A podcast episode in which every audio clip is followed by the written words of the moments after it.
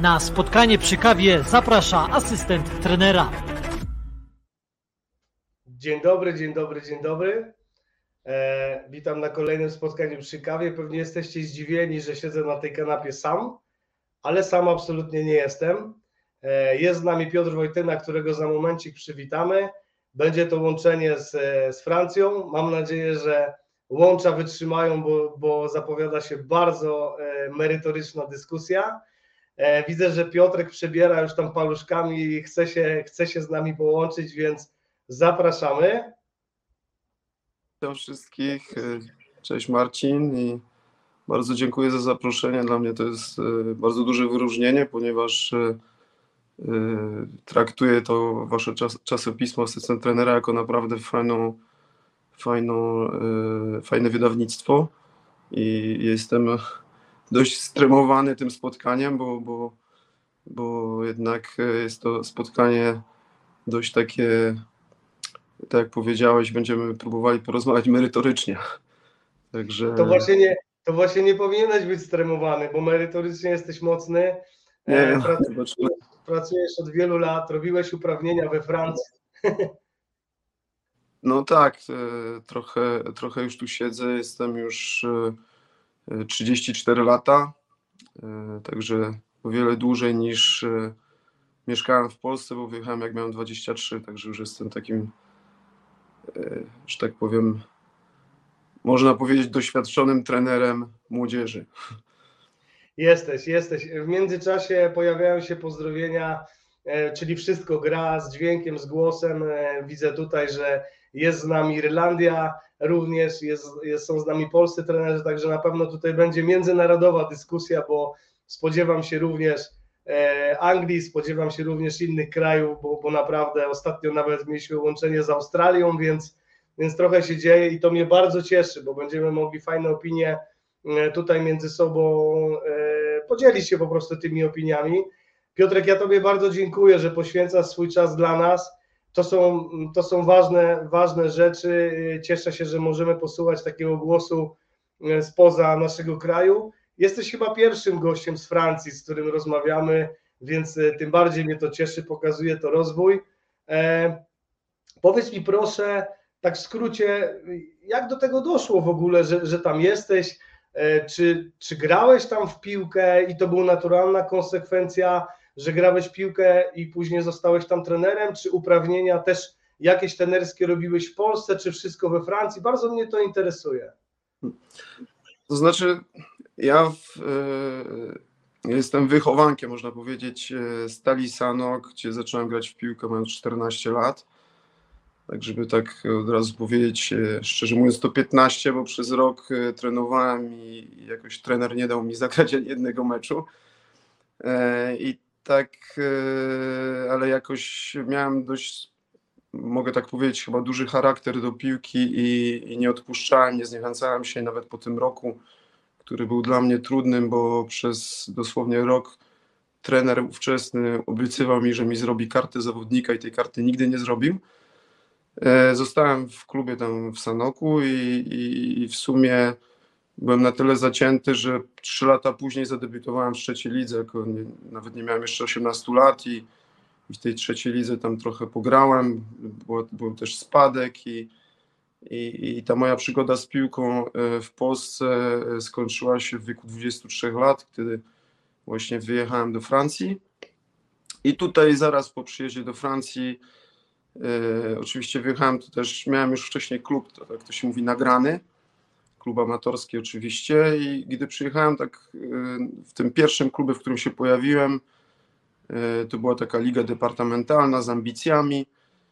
Y, byłem w strasznym szoku, bo akurat w tej drużynie, w której się znalazłem, był były junior Ajaxu Amsterdam, był zawodnik, który był w, w Akademii Auxerre, był zawodnik z Akademii Montpellier, było jakiś dwóch, trzech zawodników z czwartej ligi francuskiej, także szczeblami była to jakaś, nie wiem, 12 czy 13 liga i jak przyszedłem na te pierwsze treningi i zobaczyłem poziom zawodników jakichś tam w ogóle, którzy też nawet nie byli w zespole specjalnie jakimiś podstawowymi zawodnikami, ich wyszkolenie techniczne, to byłem w strasznym szoku i to się tak zaczęło, że że właśnie zacząłem to odkrywać powoli, tę, tą, tą, tą piłkę na tym poziomie właśnie takim w tych niższych ligach. I tam z, miałem od razu bardzo dobre warunki, także klub dał mi dom dosłownie z takim drugim zawodnikiem. Mieszkaliśmy w tym domu, jako mieliśmy tam powiedzmy, byliśmy na jakimś tam niezłym poziomie. I tam spędziłem dwa sezony, ale jakoś nie satysfakcjonowało mnie to, jeśli idzie o, o, o, yy, o tą ligę i, i chciałem spróbować czegoś więcej i poszukałem po prostu klubu, który grał cztery ligi wyżej i, i, i, tak, że tak powiem, już wtedy to był jakiś mój chyba trzeci sezon we Francji.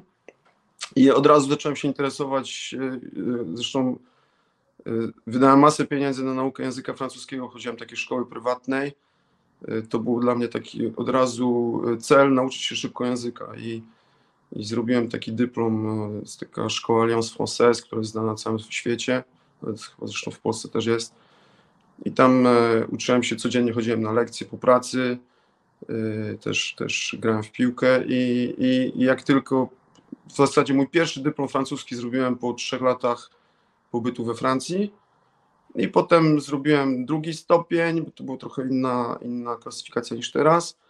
I jak zrobiłem ten drugi stopień, to akurat trafiłem na, na takiego bardzo y, fajnego edukatora w tym, na tym kursie, który powiedział mi, a czemu ty nie chcesz iść robić, wtedy się jeszcze nie było takiej nomenklatury UEFA, ale mówi, no będzie kurs UEFA, czy to idź, naprawdę super, idź i ten, ja mówię, to fajnie, nie? No i właśnie się zapyta, zapisałem na ten kurs UEFA i to był y, w 96 roku, czyli już y, dawno temu.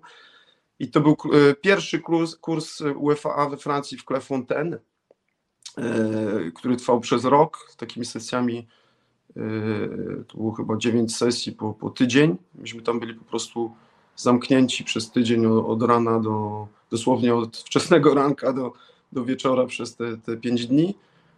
I, i, I, tak w szkole, no nie? tylko że, że to było dość intensywne. No i, i, i akurat udało mi się to zrobić od razu w tym 96 roku, czyli po po siedmiu, można powiedzieć, po sześciu latach pobytu we Francji to, to UEFA. I miałem wtedy 30 lat, także jeszcze grałem w piłkę. Była to fajna rzecz, jako że ten kurs tam odbywał się w Clairefontaine. Wtedy Clairefontaine to była taka po prostu mekka szkolenia na świecie. Tam się zjeżdżali, y, y, zjeżdżały przedstawiciele wszystkich federacji, Japończycy, y, Niemcy, całe delegacje, myśmy tam po prostu mieszkali na miejscu i, i pozytywem tego było to, że oprócz zajęć mieliśmy też trochę wolnego czasu, mogliśmy obserwować bardzo z bliska po prostu. Ja jak tylko miałem jakiś wolny czas, to obserwowałem te treningi e, w, tej, w tej szkółce, w akademii, e, wtedy z ówczesnymi trenerami bardzo znanymi, bardzo cenionymi, których już teraz nie ma, oni zresztą już może nawet nie trenują, ale wtedy byli to naprawdę bardzo, bardzo dużo z tego zaczerpnąłem i, i, i tym się trochę inspirowałem potem, chyba bardziej niż tymi kursami wszystkimi, bo, bo, bo co tu dużo, nie oszukujmy się, kursy są fajne i tak dalej, ale to nie kursy z ciebie trenera. Kursy są potrzebne oczywiście, ale mogą ci tam jakoś tam ukierunkować, ale potem to już yy, jest e, co innego. No a tak, żeby w skrócie, Potem cały czas grałem w piłkę we Francji na takim poziomie, najwyższym poziomie, jakim grałem, to taki najwyższy poziom regionalny w, w, w regionie paryskim, to jest taki no, no dobry poziom powiedzmy. No i, i także, że potem jak e, zacząłem pracę jako trener, to e, miałem takie, zaraz mając dyplom zacząłem, moja pierwsza praca jako trener to była praca z najgorszą grupą w klubie, w którym wówczas grałem, wtedy miałem te, te 31 lat. Była grupa dwunastolatków, no naprawdę yy, rekreacja totalna, bo nie było niczego innego, a ja miałem wtedy w klubie najwyższy dyplom, nikt nie miał w ogóle nawet tego dyplomu, takich uprawnień. Ale powiedziałem super, nie? bardzo się cieszę i wziąłem tą grupę i przez sezon z nimi trenowałem i to była fajna, fajna przygoda na start, bo po prostu to byli chłopcy, którzy w ogóle nawet biegać nie potrafili a, a, a był to jakiś taki okres, gdzie naprawdę to robiłem z dużym zapałem i, i fajnie to wspominam.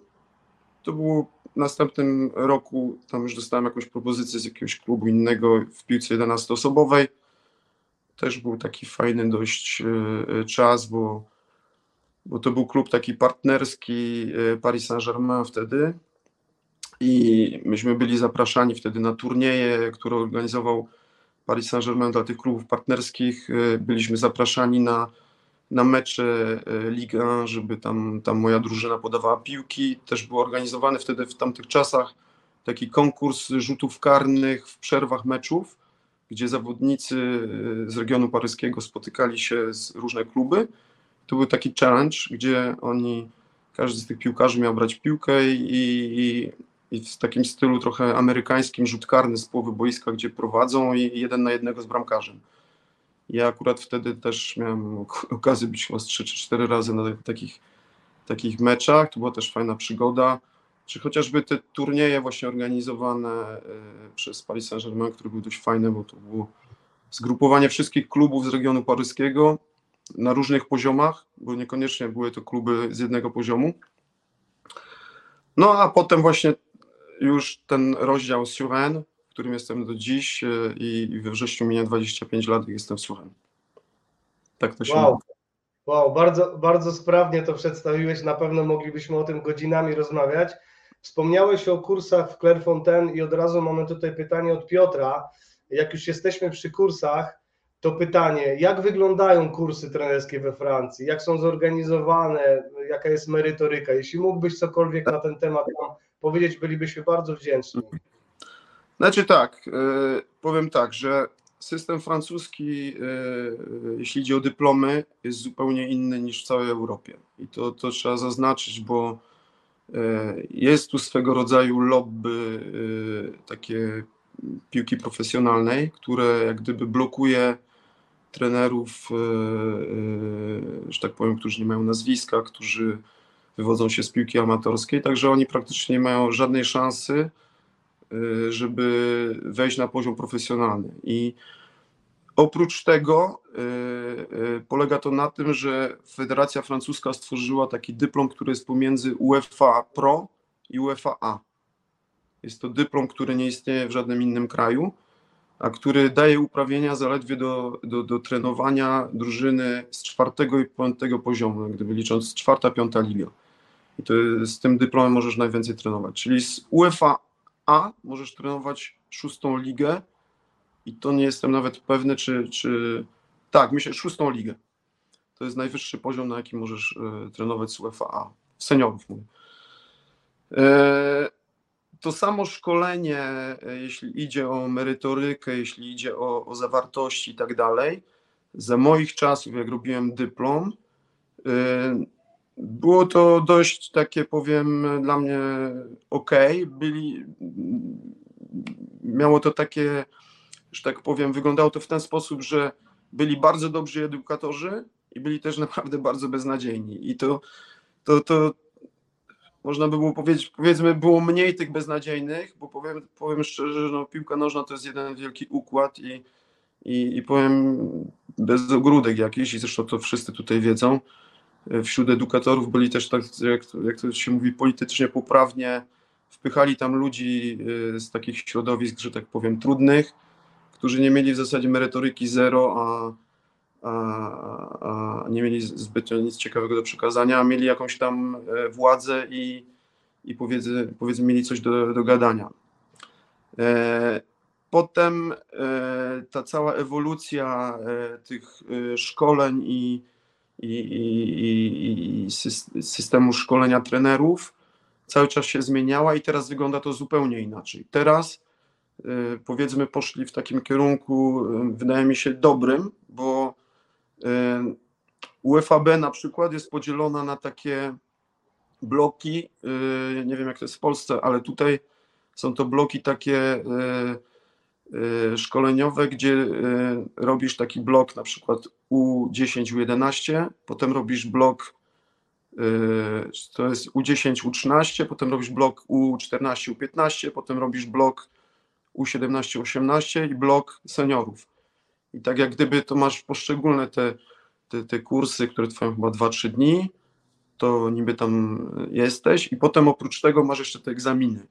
I oprócz tego jest jakiś tam egzamin finalny, ale to już jest tam, to już trwało do jakichś chyba kilku lat. E, ja w tym nie siedzę dokładnie, ale mam trenerów, którzy są w klubie, którzy aktualnie to robią, bądź też skończyli te kursy. Wygląda to trochę inaczej, choć powiem szczerze, że w okresie pandemii mamy jednego trenera, który nawet nogi nie postawił na boisku, a ma UFAB zrobili to wszystko zdalnie. Nie? I także to są takie, jeszcze raz powtarzam, że, że dyplomy, to wszystko. Poza tym ja uważam też, bardzo doceniam wielu edukatorów, którzy są super i, i też z doświadczeniem, ale też spotkałem edukatorów, którzy nigdy nie mieli do czynienia z drużyną piłkarską, którzy po prostu teorię mają opanowaną w jednym palcu, ale, ale oni nigdy w szatni nie byli praktycznie. Oni zawsze byli edukatorami, także yy, cała teoria i to wszystko, co, co, co się przekazuje na sali w sytuacjach takich, gdzie, gdzie, gdzie masz coś do przekazania, jest jedną rzeczą, a drugą rzeczą jest potem, jak gdy masz grupę zawodników i, i na różnych poziomach, czy, czy w różnych sytuacjach i, i masz działać, dlatego tu w tym przypadku akurat tego na kursie się nie nauczysz, doświadczenie, które zbierasz przez lata jest y, niezastąpione i, i to ono jak gdyby jest takim y, najważniejszą rzeczą. E, teraz inna sprawa a propos tego, tych staży i tego, tego dokształcania się trenerów. E, nie wiem jak jest w Polsce, z tego co się orientuję, to chyba co roku się musi jak gdyby zaliczać licencję, czy robić jakieś, nie wiem, staże czy coś, coś takiego. We Francji jest tak, że jest taki, to się nazywa recyclage, czyli jest taki jak gdyby recykling, można to przetłumaczyć. I kiedyś to było co dwa lata, teraz to zrobili co trzy lata. Czyli przez trzy lata robisz ten recykling i potem przez trzy lata nikt ci tam ze związku nie mówi, że musisz coś robić, jakieś szkolenie czy coś, po prostu nie, nie ma nic. Także tutaj wydaje mi się, że jest bardzo dużo takiej trochę, można powiedzieć, wolnej Amerykanki, że każdy gdzieś tam sobie to. Nie ma jakiegoś chyba takiego prikazu yy, typu, że yy, widzę, że Mariusz Woods, też chciałem go pozdrowić, bo super trener, z którym miałem yy, przyjemność się spotkać na początkach internetu. Już kupę lat. I pozdrawiam. Yy, Myślę, że, że z tym takim, e, że tak powiem, narzucaniem federacji co do tego, jak mamy pracować i tak dalej, to, to, to tak nie działa. Każdy, że tak powiem, robi chyba po swojemu. Ja sam osobiście wypracowałem swój własny, że tak powiem, sposób pracy, e, e, na przykład w tych kategoriach mniejszych, który był niestety podyktowany liczbą zawodników, bo na przykład w rocznikach takich tych najmłodszych, od 6 do 13 lat, to mamy w roczniku 50-70 dzieci w jednym roczniku. Także jak masz 70 dzieci na jednym boisku, musisz to jakoś ogarnąć, żeby to było efektywne, sprawne i skuteczne przede wszystkim. Że to nie może by tak być, że, że zrobisz klasyczny trening, gdzie trenujesz i potem na końcu jest gra, nie? no bo gdzie te 70 dzieci ustawisz, żeby zrobić grę, na przykład jak oni grają 8 na 8, no to jest to niemożliwe, dlatego ja tam taki swój własny, już to z 15 lat temu wymyśliłem sposób, gdzie nie widziałem w innych klubach i myślę, że w innych klubach tak nie robią, gdzie zrobiłem to na zasadzie atelier, gdzie musi być gra 8 na 8, to jak oni grają w meczach, która jest włączona w, w tym treningu, że tak powiem, jest to część treningu. Może to być, ni ni niestety nie może to być klasycznie, no nie, niektórzy muszą rozpocząć ten trening od tej gry.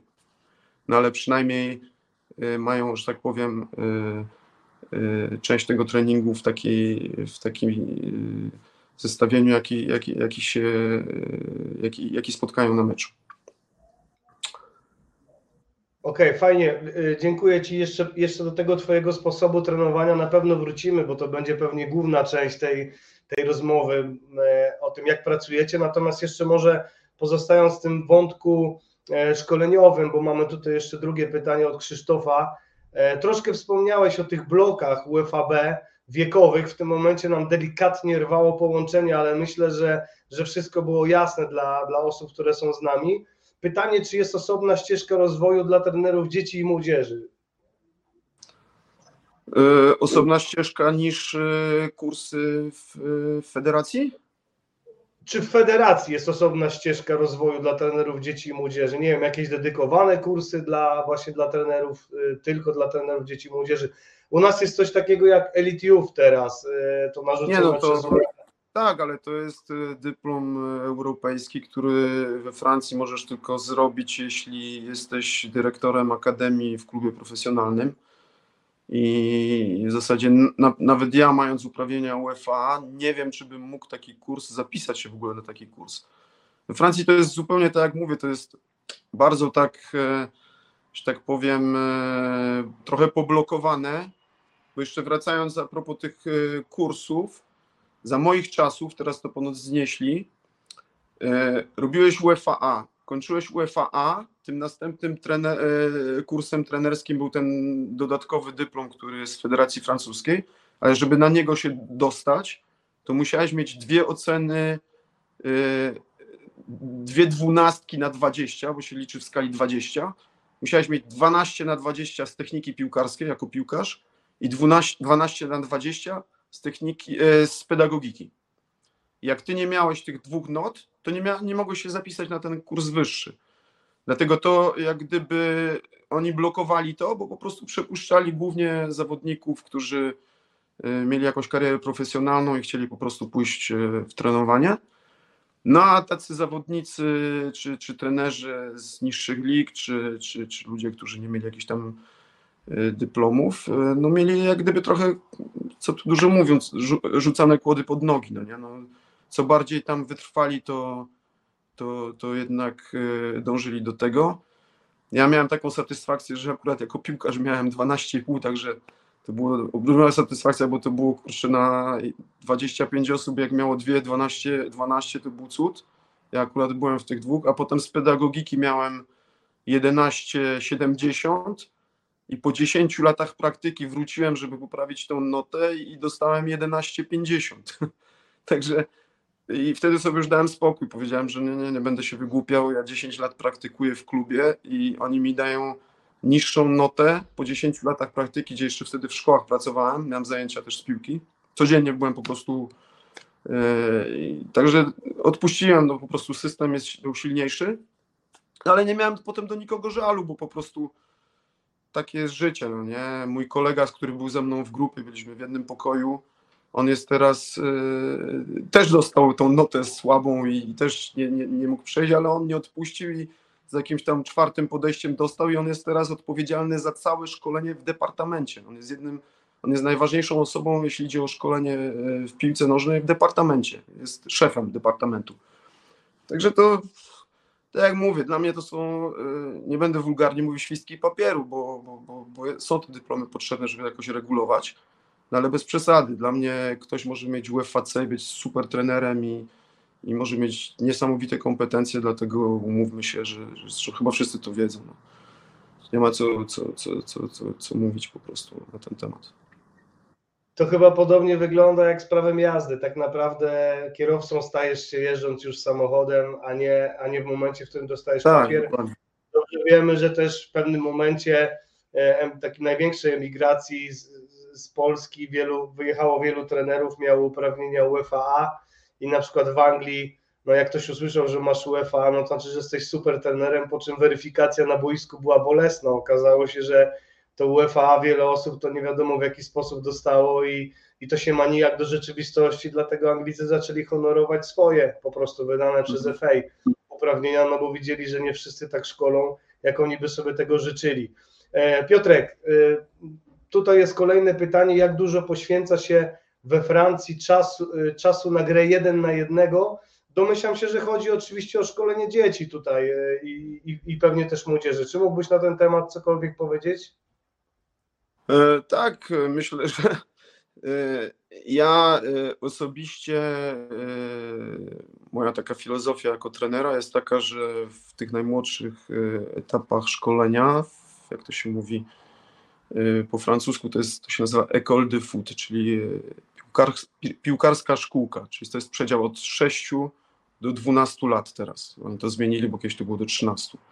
W wieku 13 lat przechodzi się na piłkę 11-osobową. W tym czasie, powiedzmy w tym od 6 do 12, to jest maksim, maksimum czasu każdy z piłką lub jedna piłka na dwóch, maksymalnie y, dużo czasu w małych grach 2 na 2, 3 na 3, 4 na 4, na 4 bramki. Może być nawet na 6 bramek. Jak najwięcej y, właśnie takich sytuacji, gdzie y, zawodnik będzie zmuszony właśnie być w tym ciągłym i pod presją, i też ciągle podejmować jakieś decyzje.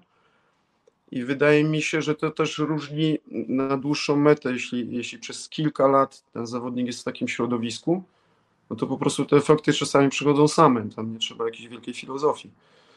I ja to wiem po, po też po swoich doświadczeniach, że, że już w tej piłce 11-osobowej, jak yy, trenowałem trochę inaczej te, te, te 15 lat temu, 20 lat temu, ale to też było podyktowane czym?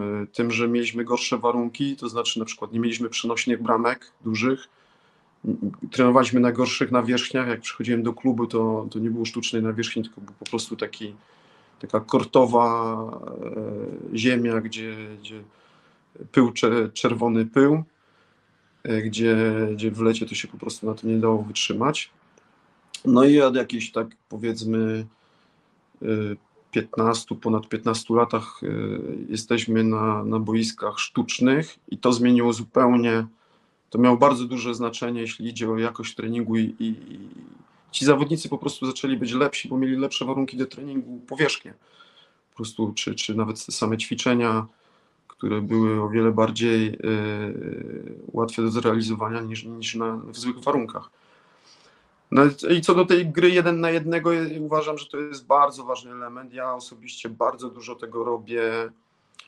Y, teraz mniej, no bo y, zajmuję się piłką głównie 11-osobową, bo trenuję y, U18. No ale ten, ten element też często się spotyka w jeden na jeden, tak y, nawet grając y, y, w sytuacjach pięciu na pięciu czy coś, to masz bardzo często w takiej skróconej grze, grze elementów jeden na jeden. A ja osobiście jestem fanem dryblerów i, i, i nie, niemalże opieprzam zawodników takich, którzy nie podejmują ryzyka jeden na jeden. Po prostu mówię, że to jest nienormalne. Po prostu to, to jest. Zresztą to jest, wszystko się wiąże z Twoją filozofią. No nie? Moja filozofia, piłka nożna to jest spektakl. To jest, to jest sztuka. I tak mam, jak już byłem piłkarzem jeszcze młodym i grając w Polsce, będąc fanem Realu Madryt, który niestety trafił wtedy na AC Milan, który e, sromotnie e, skorygował ich w finale 5-0, ale w tym Realu byli artyści, sposób w jaki, w jaki oni się poruszali, jak podawali piłkę, to było dla mnie to był wzór. I, i potem tak samo też nawet trenerów, których najbardziej lubiłem swego czasu, to Johan Cruyff, którzy wszyscy ci, którzy właśnie preferowali tą grę jeden na jednego i to, to, to, to powinna być w młodych kategoriach, tych do 13 roku, esencja treningu. Szukać e, jeden na jednego, dwa na jednego, czy dwóch na dwóch, bo to wszystko to, to, to daje przyjemność dużą. Dzieci bardzo to lubią. Ja na przykład używam bardzo e, grę, którą kto wie, czy nawet tego nie widziałem w Fontaine, ale e, jeden na jednego na cztery bramki. To znaczy, to są po prostu takie pojedynki. Sekwencje, które mogą trwać e, dosłownie minutę, bo też nie możesz tego e, robić przez trzy minuty, ale to jest po prostu masz w małym kwadracie, który można powiedzieć jest na 16 na 16, czyli ja to ustawiam te, te gry na przykład na stażach w polu karnym dwie bramki i to nie są bramki, tylko to są jak gdyby e, bramy. To znaczy, że jak jeden na jednego w takim kwadracie, zawodnik ma bronić dwóch bram i jak ma, posiada piłkę, to ma przejść z piłką przez jedną z dwóch bram przeciwnika.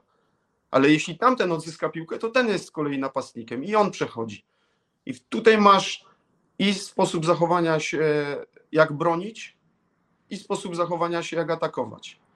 I to jest często tak, że ten y, akcja się zaczyna, że oni są po przeciwległych stronach y, boiska, jest podanie jednego zawodnika i on od razu wychodzi, że tak powiem, jest na, na biegu i, i tamten może wykorzystać, jeśli jest, jeśli jest y, cwany, to będzie dawał taki fałszywy ruch, że idzie w prawo, ale potem zmieni kierunek i pójdzie w lewo. I tu już uczysz driblingu. I, i tu będziesz uczył nie znam tych polskich nazw, bo, bo tak jak mówię, tak samo słownictwo polskie jestem, trochę jest mi obce, jeśli piłkę teraz, a nazwy driblingu i tak dalej, ale ten zwód, który Zidane bardzo często robił, nie, nie ruletkę, tylko ten przenoszenie piłki na, na lewą i prawą nogę, czy Darek Ziekanowski w latach 80. On lubił to, tylko Darek to robił nie nad piłką, tylko przed piłką. I, i, i, i to jest fajne ćwiczenie właśnie. I to taki prosty przykład, gdzie ćwiczysz też aspekt fizyczny, bo to jest bardzo, bardzo takie intensywne. Przepraszam, mieliśmy chwilowe problemy z internetem, ale, ale, ale chyba nam dużo nie uciekło. E, sekundkę nas nie było, ale już jesteśmy. E, przepraszam, już zostało to naprawione. Super, dziękuję Ci bardzo. Jeszcze, jeszcze w tym temacie gry jeden na jeden. Czy macie we Francji jakiś spójny słowniczek terminologii, nie wiem, nazewnictwa zwodów, czy coś takiego istnieje, czy, czy zupełnie nie? Tak, tak. E, a propos zwodów, to jest dużo takich. E, w ogóle muszę powiedzieć, że jak przyjechałem do, do Francji e, ponad 30 lat temu, to byłem w strasznym szoku, jak polskie słownictwo, nazewnictwo piłkarskie jest ubogie w stosunku do francuskiego. Teraz się to zmienia, bo też obserwuję trochę, co się dzieje w Polsce i próbuję się jak gdyby wdrożyć to, tłumacząc pewne rzeczy też często z angielskiego. No i dobrze, no bo to, to, to, to tędy jest droga, trzeba to wzbogacać. No ale w tamtych czasach, jak właśnie nazywało różne zwody, na przykład zwód, który wtedy, wtedy w Polsce nie wiedziałem, co to jest, na przykład banan, czy de jambe, czy, czy te ruletki, czy to wszystko, to, to, to 30 lat temu tego tego nikt nie nazywał w Polsce, w zasadzie też tego nikt nie robił e, i stąd też nie nazywał. A tutaj też wiele innych takich pojęć e, techniczno-taktycznych e, w słownictwie było dla mnie nowych i, i byłem w lekkim szoku wtedy. No ale tak jak mówię, no teraz to, to, się, to są inne czasy i, i wiem, że w Polsce też się to zmieniło i, i, chwała Bogu, że to idzie w takim normalnym kierunku i dobrym, bo to jest, to jest ważne, żeby właśnie przy, przy, przekazywać. Właśnie a propos tej książki, widzę, że tutaj kolega y, Piotr Dziewicki mówi o Funinio. Tak, tak, jak najbardziej. Zakupiłem też tą książkę, bardzo fajna rzecz. Super polecam i to jest też, uważam, w tych najmłodszych kategoriach y, super sprawa. Także to teraz jest po prostu, to są takie czasy, że w zasadzie nie masz prawa pewnych rzeczy nie wiedzieć, bo po prostu masz taki dostęp. Internet w zasadzie zrewolucjonował wszystko. Y, także to nic tylko się uczyć i, i obserwować. I próbować przede wszystkim, no bo to, to, to, to wszystko jest też bardzo interesujące, te próby na, na, na, na jak to mówi się, na własnej skórze. I, i na przykład ja obserwuję Twittera, ale to, co mnie najbardziej na Twitterze interesuje, to nie te głupie jakieś takie historie, jakieś e, debilne sprzeczki czy jakieś ten, ale właśnie od strony treningowej. Jest masę takich e, e, ciekawych stron zagranicznych, gdzie są bardzo ciekawe fragmenty też treningów. I, i można to nie tylko planszowe, ale też wycinki treningów po prostu klubów profesjonalnych, które są bardzo polecam, jeśli, jeśli, jeśli ktoś tego jeszcze nie odkrył. To jest super rzecz, bo y, potem przychodzisz na trening, chcesz zrobić, ja na przykład z 18-latkami, zrobiłem kilka takich ćwiczeń, które robił Liverpool Klopp i, na pewno nie, nie, nie będzie to taka sama jakość, ale już sam fakt, że próbujesz to robić i im powiesz, ty, ale wiecie co, robiliście teraz to samo ćwiczenie, co Liverpool robi. I, I, to działa na wyobraźnię i też motywuje, bo to nie są, ciągle powtarzam, piłka nożna to nie jest fizyka kwantowa. To, to jest po prostu prosta, a jednocześnie skomplikowana gra. Pod tym względem to, to można właśnie. No ale myślę, że, że, że, że całe piękno polega na tym, że, że wszyscy możemy e, jakby się spełnić w tym. A powiedz mi proszę, bo, bo rozmawialiśmy o tych, że bardzo dużo gier e, w małych, e, małych liczbach, jeden na jeden, dwa na dwa. Czy robicie też w tych młodszych grupach wiekowych formę wyizolowaną, czy ona zupełnie nie istnieje, forma ścisła, nie wiem, ćwiczenia bez przeciwnika, powtarzalność, mm. pasy, jak to wygląda? Jak najbardziej, właśnie cała ta debata, czy forma ścisła, czy forma wyizolowana. Ja widzę z mojej perspektywy to w ten sposób, jeśli ty jesteś wielkim klubem typu, nie wiem, Barcelona, Paris Saint-Germain i dajmy na to rekrutujesz e, młodzież, dzieci i masz dostęp już do ukształtowanych zawodników, na przykład y, y, dostajesz takiego Zaire Emery, nowa gwiazda Paris Saint-Germain, który w wieku 15 lat grał w Youth League.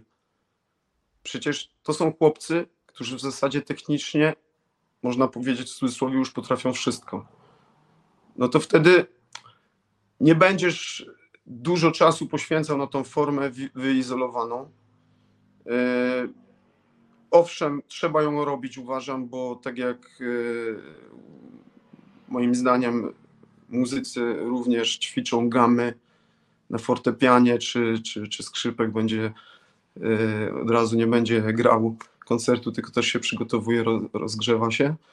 W formie rozgrzewki jak najbardziej, ale jeszcze trzeba powiedzieć, kogo my trenujemy. Jeśli ty na początku masz grupę, a chyba większość ludzi, którzy też teraz jest obecnych, ma do czynienia z grupami y, zawodników w różnym poziomie, trzeba to umiejętnie y, dostosować. To znaczy, jeśli masz grupę, na przykład tak jak u nas, my mamy 70 dzieci w jednym roczniku, no to być może większy nacisk w pewnych elementach pozostawisz na grę dla tych lepszych, którzy już jak gdyby przyswoili sobie pewne elementy, te takie Y, podstawowe, a ci, którzy nawet nie mają podstaw, będzie to skomplikowane, żeby polepszyć na przykład u chłopaka, który bardzo słabo gra, y, lewą nogę na przykład. Także to y, nie wyobrażam sobie, żeby móc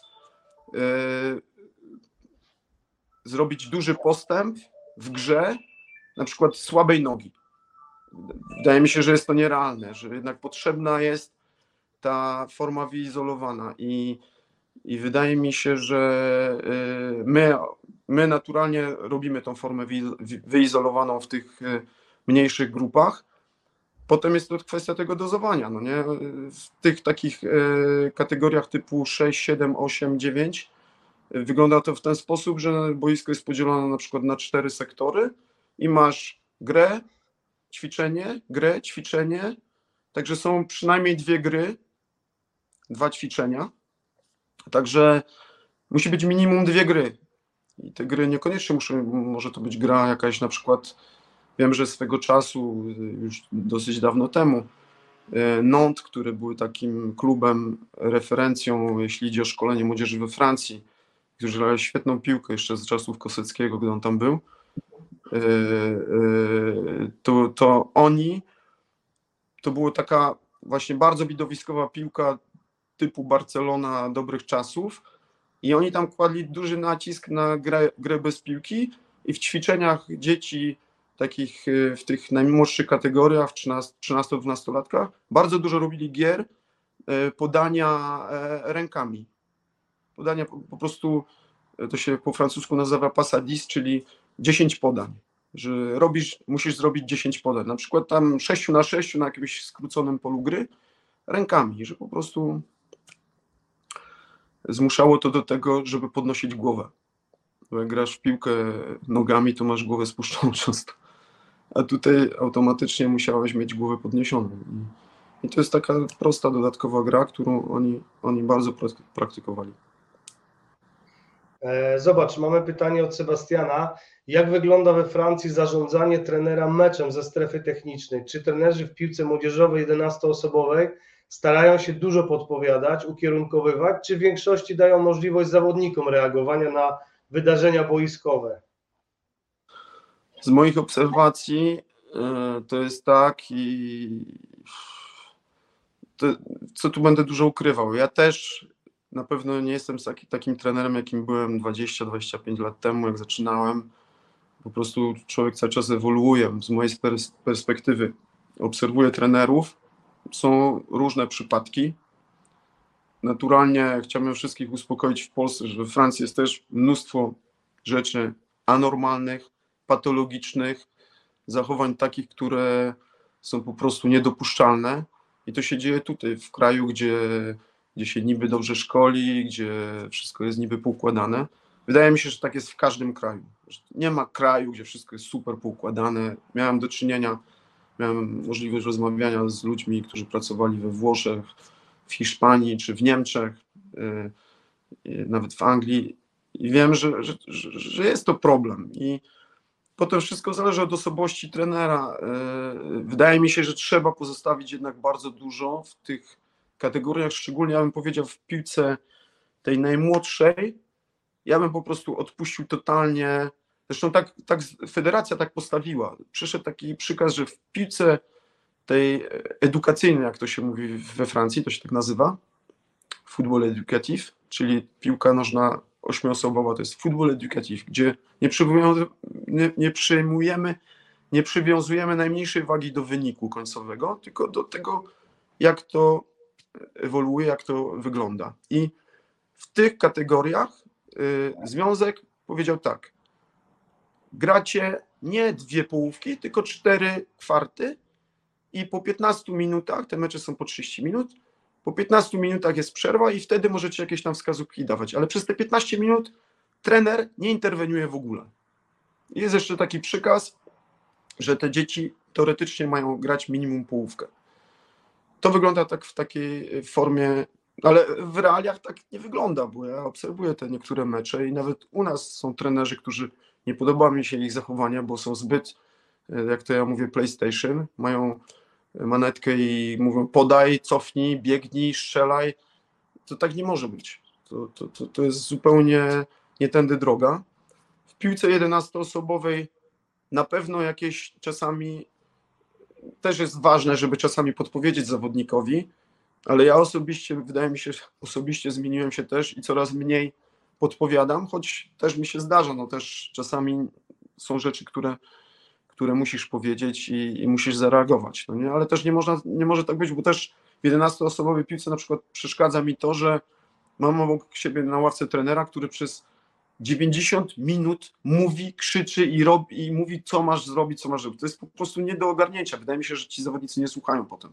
I to, to nie jest dobre. To nie jest dobre. Trzeba to dozować po prostu. Jasne. E, chciałbym przejść na taki temat, który, który bardzo często się pojawia, kiedy rozmawiamy z kimś e, spoza, spoza Polski. Tutaj co najmniej dwa takie wątki zostały poruszone, czyli kwestia zarobków trenerów. E, jak wygląda ta sprawa we Francji? Chodzi o grassroots i o niższe ligi. Czy tam ktoś pracuje na full time, czy jednak jest to wolontariat? Zarabiają trenerzy, czy nie zarabiają? E, I jeszcze od razu połączyłbym dwa pytania, jedno od Emila, drugie od, e, od Piotra, też, też dotyczące zarobków. Też pozdrawiam Emila, którego znam. Tak, tak, tak, pozdrawiamy Emila, e, pozdrawiamy też Piotra, wszystkich, którzy są, tak jak widać, jest tutaj pół Europy z nami w tym, w tym momencie. Jak wyglądają zarobki trenerów dzieci i młodzieży, jak trenerów pracujących z seniorami, czyli ogólnie temat, temat zarobków, jeśli mógłbyś nieco, nieco przybliżyć, bylibyśmy bardzo, bardzo wdzięczni. E, zaraz jeszcze tylko chciałem przeczytać pytanie od Emila. Chciałem... Okej, okay. E, czyli tak. Moim zdaniem, jeśli idzie o zarobki trenerów młodzieży, to jest cieniutko.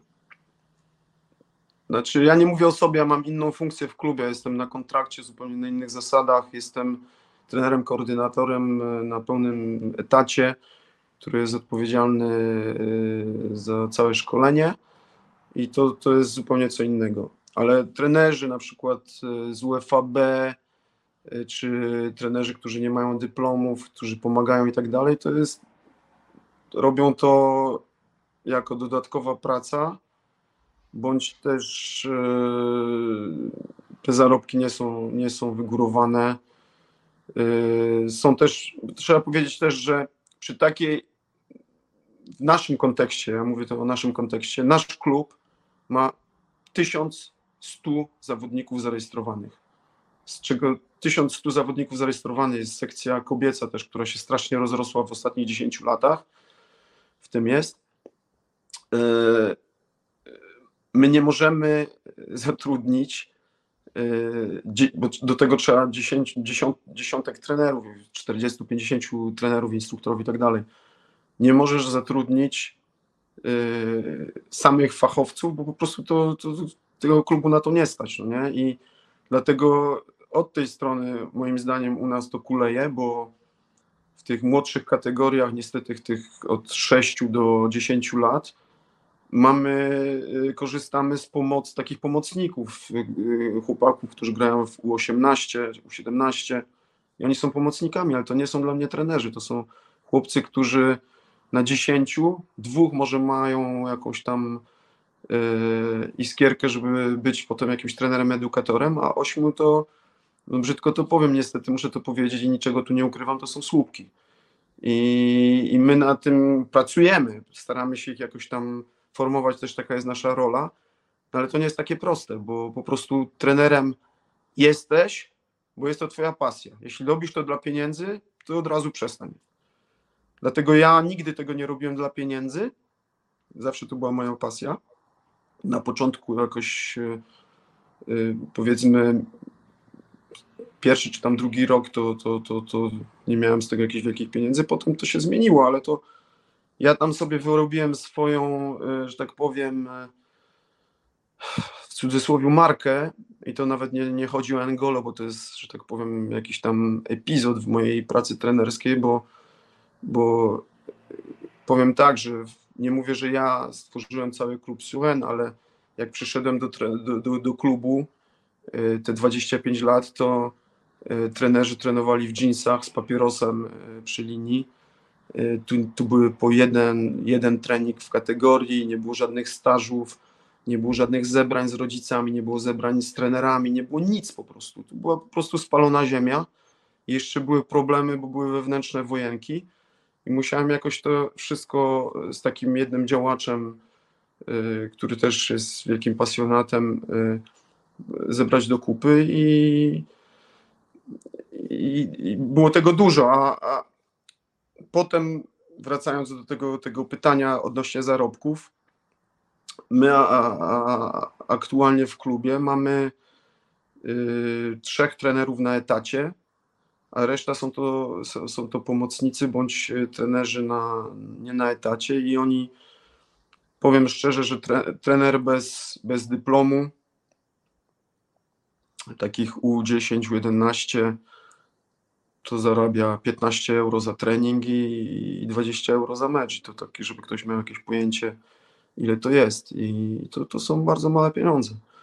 Myślę, że tak jest w wielu klubach. y, Po prostu e, cała sytuacja, bo skoro już jesteśmy tak przy tej kwestii finansowej i, i kwestii jakiejś organizacyjnej, e, porównując Francję i Polskę, i tutaj też e, wydaje mi się, że e, Związek Piłkarski PZPN e, powinien kłaść większy nacisk na polityków, na samorządy, na, na w ogóle na, na, na tą całą stronę ludzi, którzy będą podejmować jakieś decyzje, bo we Francji wygląda to w ten sposób, że kluby są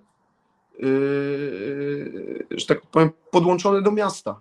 My bez miasta byśmy zginęli. Byśmy się nie mogli utrzymać ze składek. Yy, Dlatego miasto daje nam za darmo całe instalacje sportowe. Yy, Możemy korzystać z szatni, z oświetlenia, nie płacimy za nic, za prąd, za, za wodę, za nic. Dodatkowo czasami daje nam też transport, autobusy i daje nam budżet na utrzymanie klubu. I do tego mamy składki. I w ten sposób my normalnie funkcjonujemy. Możemy funkcjonować normalnie, choć przy takiej, tak jak mówię, myśmy się tak rozrośli, bo zacząłem o tym mówić, ale nie skończyłem. Jak przyszedłem do klubu, to właśnie byli ci trenerzy, którzy nie byli kompetentni i tak dalej, zero dyplomów, zero przygotowania, ale było przede wszystkim 300 zawodników. My mamy teraz 1000 zawodników. Myśmy się stali w pewnym momencie, jak gdyby yy, ten sukces jakiś tam, który osiągnęliśmy, jeśli idzie o masę, bo to jest, tak bym to nazwał, jeśli idzie o masę, to odnieśliśmy sukces.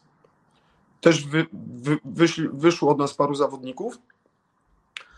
I też y, wygląda to w ten sposób, że u nas w drużynach seniorskich grają w zasadzie tylko wychowankowie, I, a mamy trzy drużyny seniorów. I, I, to jest też taki, taka ta rola miasta, że miasto daje możliwość, że tu każdy może grać w piłkę. Tutaj w tych 1100 zarejestrowanych tu nie ma tysiąca piłkarzy. No.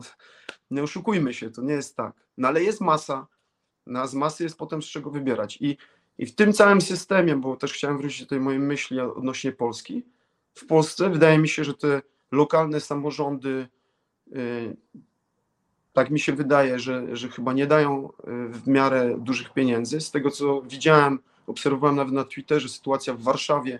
Uważam, że to jest jakiś po prostu duży żart, to, co się dzieje w Paryżu, jakbym porównał Paryż, możliwości Paryża, klubów amatorskich i futbolu masowego z tym, co się dzieje w Warszawie, to jest jeden wielki żart. To jest po prostu tego, to, to, to jest żart, a jednocześnie to jest tragedia. To jest po prostu można było się płakać, że kluby w Warszawie, jakieś Okęcie Warszawa bodajże, czy, czy jakieś inne, czy Escola, z tego co tak widziałem, nie znam dokładnie tych problemów, one muszą rezygnować nie no, to są jakieś jaja. Tutaj po prostu w Paryżu te kluby, wszystkie paryskie, one są tak super bogate, ale to wszystko dotowane jest z miasta Paryża. Paryż jest bogaty, Warszawa jest bogata. Co my się tu będziemy dużo oszukiwać? Piłka nożna jest super ważnym argumentem dla rozwoju młodzieży, sportu i tak dalej, i tak dalej, i tak dalej. Ta rola socjalna, jaka jest, jaką zrozumieli politycy we Francji, jest ciągle niezrozumiana przez polityków w Polsce. I to, ja tu mówię o, o piłce nożnej, ale to nie tylko we Francji. Proszę, niech wszyscy zobaczą, jakie Francja ma wyniki w, w grach zespołowych. Oni są w czołówce w każdej dyscyplinie zespołowej. Piłka ręczna, siatkówka, koszykówka. Także to, co, co my tu będziemy dużo mówić. Wydaje mi się, że w Polsce niesamowitym problemem jest właśnie e, niedanie możliwości miastom, małym ośrodkom, E, żeby można było tą piłkę nożną popularyzować i rozwijać. Ta, ta, ta, wydaje mi się, że PZPN tu powinien bardziej przycisnąć. Ja tu słyszę, że jakieś tam Polska dała, rząd czy coś tam dali jakieś miliony na kluby profesjonalne. To jest jakiś śmiech na sali. Pokażcie mi jakiś klub, czy w Anglii, Francji, czy we Włoszech, czy w Niemczech, rząd dał, nie wiem, 50 milionów euro dla klubów profesjonalnych, żeby sobie tam, tam jakiś nie wiem w jakim świecie my żyjemy. No, wydaje mi się, że chyba lepiej by było, żeby dali te pieniądze wybudować boiska prawdziwe, nie orliki, bo orliki to jest super rzecz dla panów w moim wieku, którzy sobie pójdą pokopać wieczorem po pracy, ale to nie są, to, to nie są boiska do szkolenia. Przepraszam, ale to jest, to jest do, do rekreacji, to jest fajna rzecz, ale nie, nie, nie, nie po to, żeby szkolić prawdziwych piłkarzy. Także wydaje mi się, że w Polsce też dużo mówi się o klimacie i tak dalej, no to chyba wiemy teraz, że są też przeciwnicy, sztuczna trawa i tak dalej, ale teraz są takie technologie, że sztuczne boiska są naprawdę, to nie są sztuczne boiska sprzed 15 lat. Można zainwestować i na pewno duże miasta, czy średnie miasta, czy jakieś powiaty, czy coś, na pewno by się na to e, znalazły pieniądze. Już nie mówiąc o takich klubach nawet drugo-trzecioligowych, po co wydawać pieniądze na jakichś przeciętnych anonimowych kopaczy, czemu nie wydać pieniędzy na, na infrastrukturę? Wydaje mi się, że od tego trzeba zacząć. Tutaj mamy opinię. Ale mnie poniosło, ale naprawdę. Bardzo dobrze, to są bardzo ciekawe rzeczy. Super, super, że o tym mówisz. Jeszcze wracając do tych, do tych zarobków trenerów, tutaj mamy taką informację od Pawła, no, że u nas trenerzy dorabiają do kiepskich pensji, dlatego dlatego może jest zbyt mało tych pasjonatów, a bardziej euro, jest to droga. To, przepraszam, ale tu zaraz kolegę sprostuję, bo 2,5 tysiąca euro y, zarabia nauczyciel we Francji, to nie wiem, czy y, moja żona jest nauczycielką we Francji i ona nie zarabia 2,5 tysiąca euro. Także wydaje mi się, że krąży wiele legend też w Polsce takich, które pomijając piłkę nożną, że można z, zasiłków wyżyć, jakieś takie rzeczy, które po prostu nie wiem kto, gdzie, kiedy coś ten. Ja mieszkam tu 33 lata, zasiłków nie biorę, ale to są bzdury, także yy, yy, wynajem, nawet jeśli zarobisz 2,5 tysiąca euro w Paryżu, wynajem mieszkania normalnego to jest 1000-1,5 y, tysiąca euro, także nie zostanie ci wiele na życie. Wydaje mi się, że tu życie jest potwornie drogie. W Polsce też, wiadomo, ale tutaj też y, region paryski, Paryż to po prostu ceny są kosmiczne i, i tu, no, co tu dużo mówić, z piłki młodzieżowej we Francji y, nie wyżyjesz.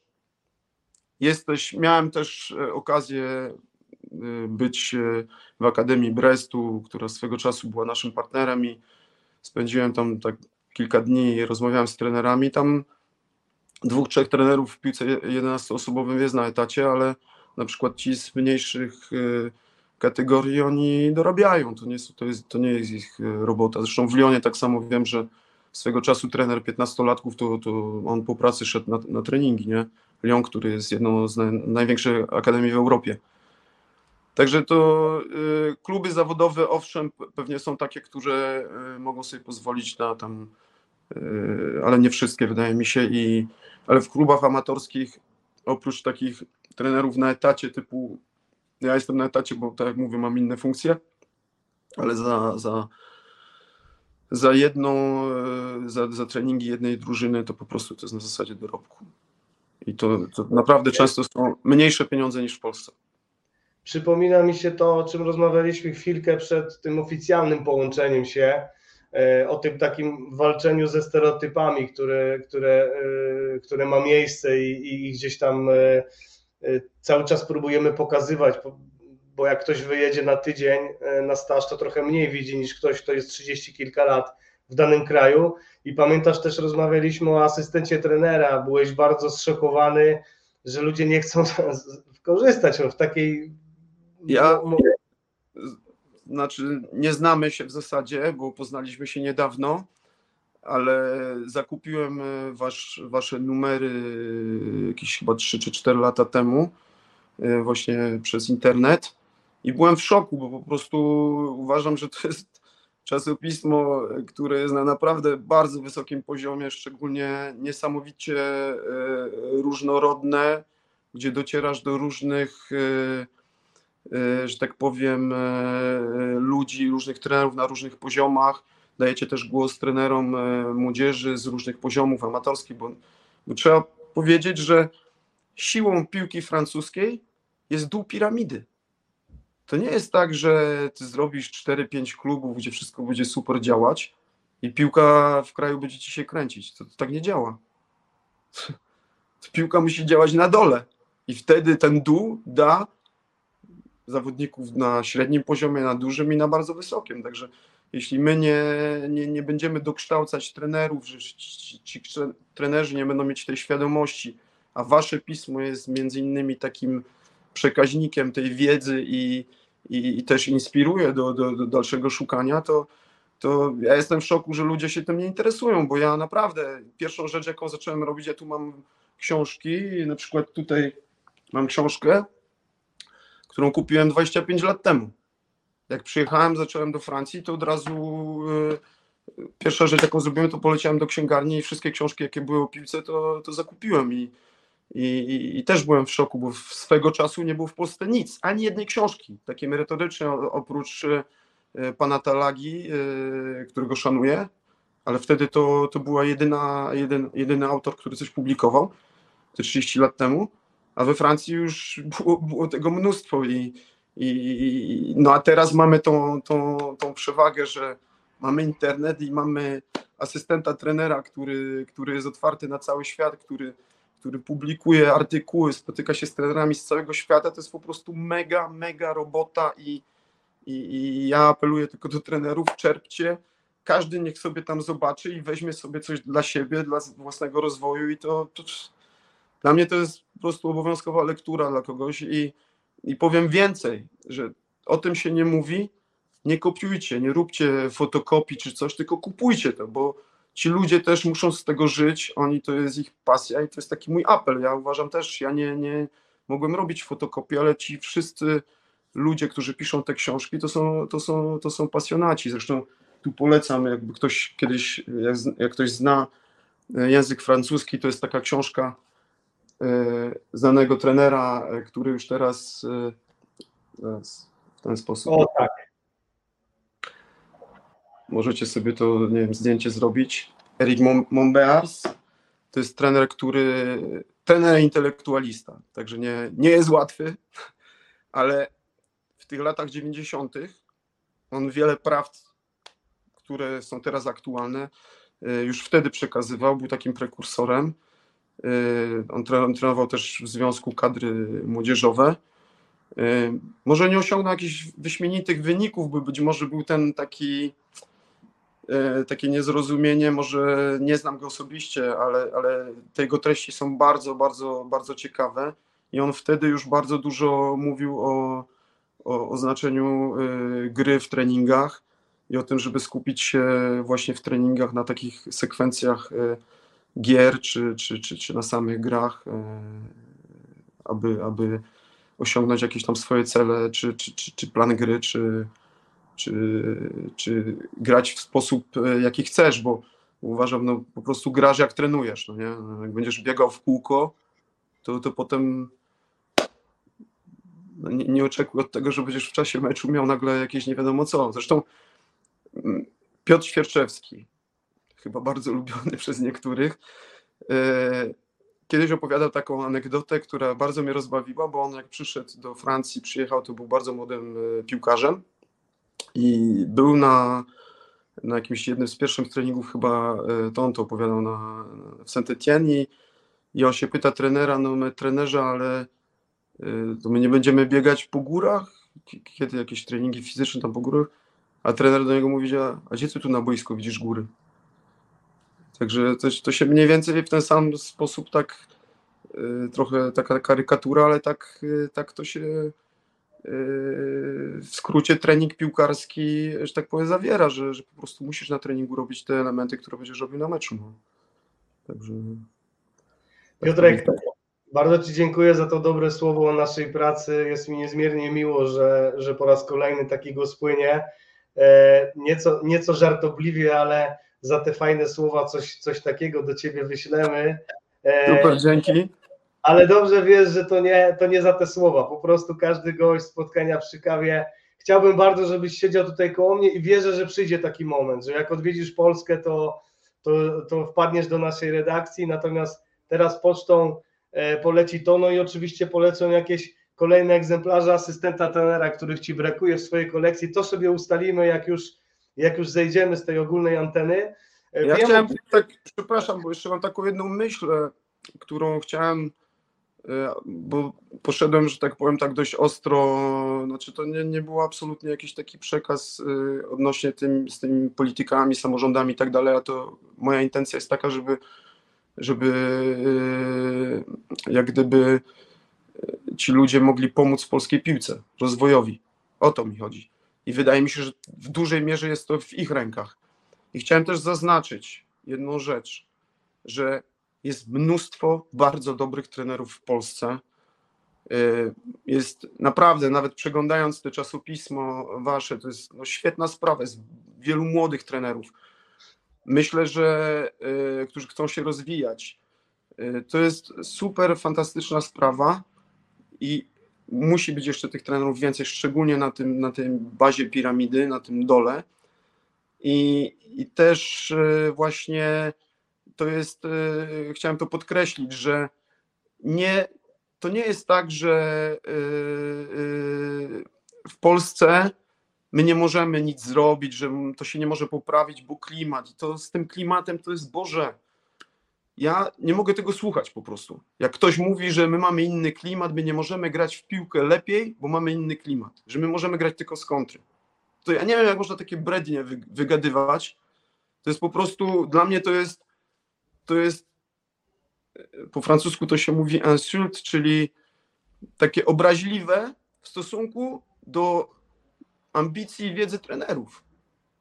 To nie jest tak.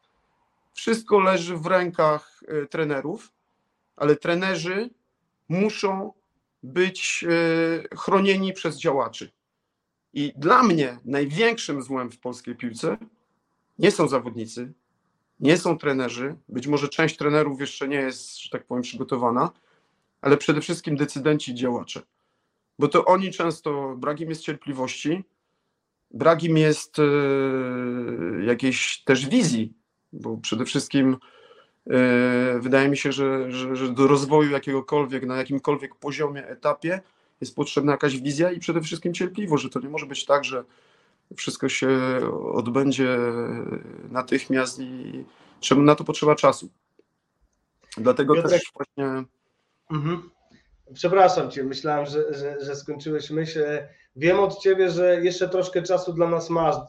Ta A. rozmowa jest, jest kapitalna, więc jeszcze chciałbym Cię, bo nie wiem, czy wiesz, strzeliło nam już godzinka i 6 minut. Mówiłem Ci, że to będzie. Czas. Tak, że czas będzie leciał bardzo szybko, natomiast rozmowa jest kapitalna. Chciałbym wykorzystać, że już udało nam się, pomimo tych problemów technicznych, bo gdzieś tam w międzyczasie coś tam nam rwie, ale, ale jest ok, jest ok. Tam myślę, że to nie są jakieś większe e, sprawy. Wspomniałeś troszkę o młodych, zdolnych trenerach. Jeden, e, nie tylko oczywiście jeden, ale jeden z nich jest tutaj z nami bardzo często i tutaj jest właśnie pytanko od niego. Serdecznie przy okazji Pawła pozdrawiam. Czy szkolenie młodzieży we Francji odbywa się tylko w klubach? Czy jest to połączone ze szkołami, tak jak u nas y, szkoły mistrzostwa sportowego, klasy mistrzostwa sportowego? Tak, tak. E, jest to e, bardzo dobrze rozwinięte. Jeśli idzie o tą elitę e, na tym najwyższym poziomie, ale potem wrócę do tego wątku na samym końcu, czy to jest dobrze, czy źle.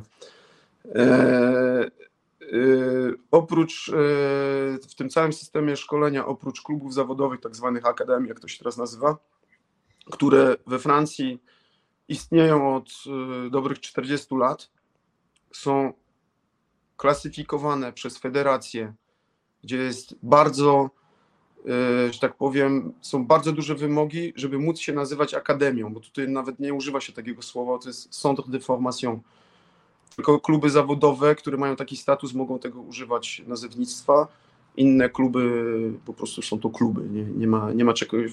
Wiem, że w Polsce mówi się akademia, tutaj, tutaj się nie mówi. Tu się mówi po prostu klub. I nawet nie używa się słowa szkółka, tylko po prostu klub. I jest e, właśnie są, są, są takie drogi, że jedna droga to jest klub zawodowy, druga droga to są ośrodki szkoleniowe które są e, prowadzone przez Federację Francuską, które są na terenie całego kraju, e, jak gdyby podzielone regionami.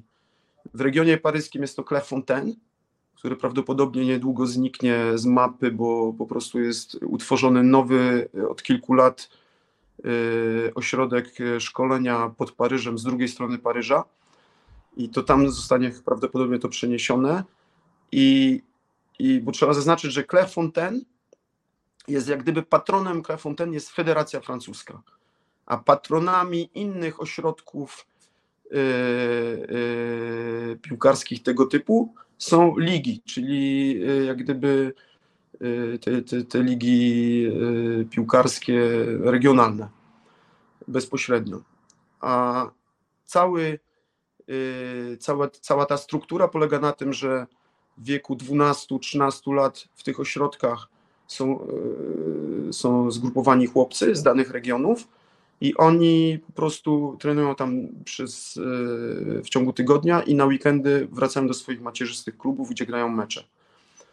I teraz jest taka sytuacja, że w tych e, ośrodkach właśnie szkoleniowych, szczególnie w Clairefontaine, jest prowadzona selekcja, to znaczy jest prowadzony Y, wcześniej etapy do tego, żeby tam się dostaje bodajże dwudziestu paru chłopaków, a kandydatów jest y, w regionie paryskim jest kilka tysięcy. Także to jest niesamowite. Powiedzmy, z tym by można było dyskutować, y, bo to jest dość takie, no, ciężkie wybrać tych 12 chłopaków z takiego dużego, 20 chłopaków z takiego dużego, z takiej dużej ilości Y, y, kandydatów. Dlatego często, jeśli idzie o Clairefontaine, y, procent, oni mają bardzo wysoki procent, że tak powiem, zawodników, którzy potem zostają zawodnikami profesjonalnymi, już gdy mają te, podpisują pierwszy kontrakt profesjonalny w wieku tam 18-17 lat, czego być może inne ośrodki nie, nie mają aż takiego wysokiego procentu. No ale z drugiej strony teraz jest też wiele głosów i badań, może jeszcze nie ma takich jakichś badań naukowych, ale też jest sporo głosów takich, że te wszystkie akademie i centra niekoniecznie są najlepszą drogą dla młodzieży, bo pomijając niesamowitą presję, odcięcie tych chłopaków od e, rodziny, e, też e, otoczenie wokół, wokół tych chłopców często kręci się wielu, wiele osób takich, no powiedzmy, nieodpowiednich, to, to niekoniecznie dobrze wpływa na rozwój.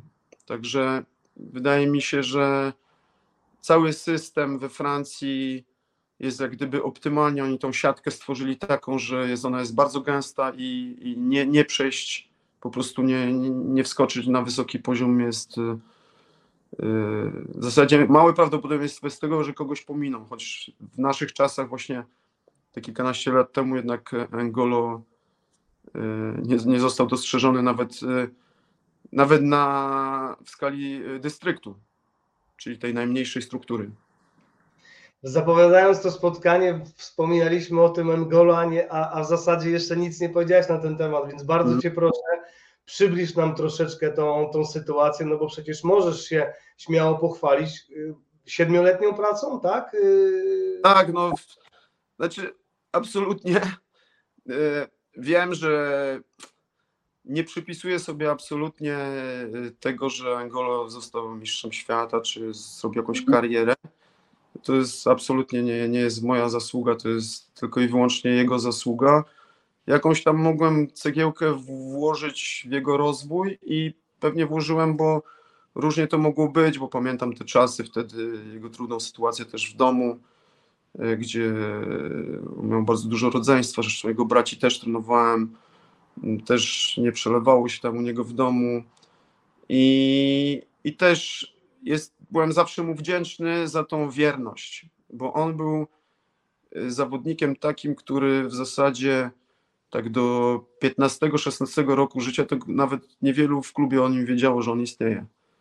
To był chłopak tak dyskretny, ale na boisku miał pewne takie cechy, które po prostu są rzadkie E, żeby je dostrzec wśród e, młodych chłopaków, typu ja na przykład zacząłem trenować jak miałem 10 lat i potem w zasadzie swego czasu trenowałem w sobotę i w niedzielę, praktycznie miałem dwie drużyny i, i jak gdyby przechodziłem z nim i też go e, przerzucałem do starszych drużyn, to znaczy on grał jak przyszedł do klubu, grał e, w piłce ośmioosobowej Y, przez sezon i na następnym, w następnym roku, mając 11 lat, ja go przerzuciłem od razu do 13-latków na duże boisko. I on grał wtedy z chłopakami dwa lata starszymi, mając dwie głowy mniej. No ale miał takie zdolności i, i, i takie właśnie predyspozycje, że, że to było po prostu fajne, że on tak szybko się adaptował i zresztą chłopak naprawdę bardzo, bardzo taki, no jak, jak gąbka, wsiąkał wszystko, co, co mu się mówiło i, i, i super pracowity. Niesamowicie pracowity. I mental poza jakimkolwiek, poza jakim, tak, tacy zawodnicy po prostu nie istnieją.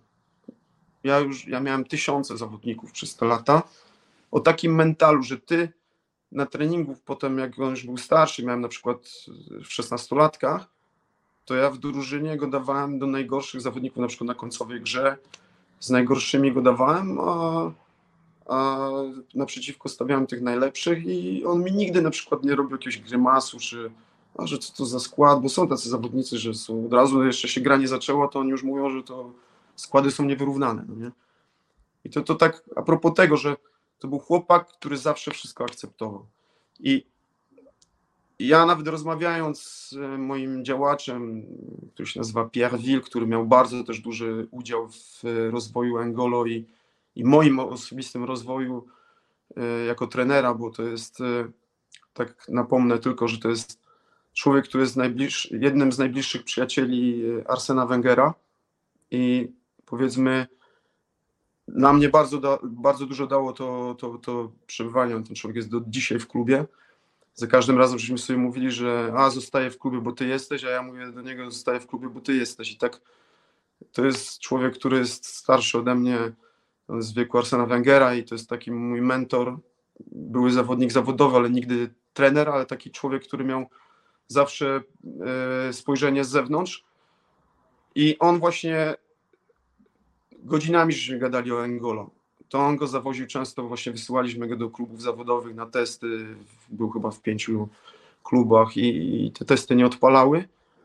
I on mi mówił właśnie, wiesz co, ja myślę, że on po prostu mentalnie nie dojeżdża i on się spala i, i on nie jest takim przywódcą, on nie potrafi wziąć piłki, że jak jest rzut wolny, to on będzie po tą piłkę, jak jest karny, czy że on jest taki ciągle dyskretny, on nic nie mówi, on tylko kiwa głową i ten, i że dla niego to będzie ciężkie. Ja mówię, no, no faktem jest, że to nie jest rzecz w tej dżungli, gdzie musisz być bezczelny i wjeżdżać z buciorami i walczyć o swoje, to jest zupełnie yy, przeciwna, przeciwny charakter.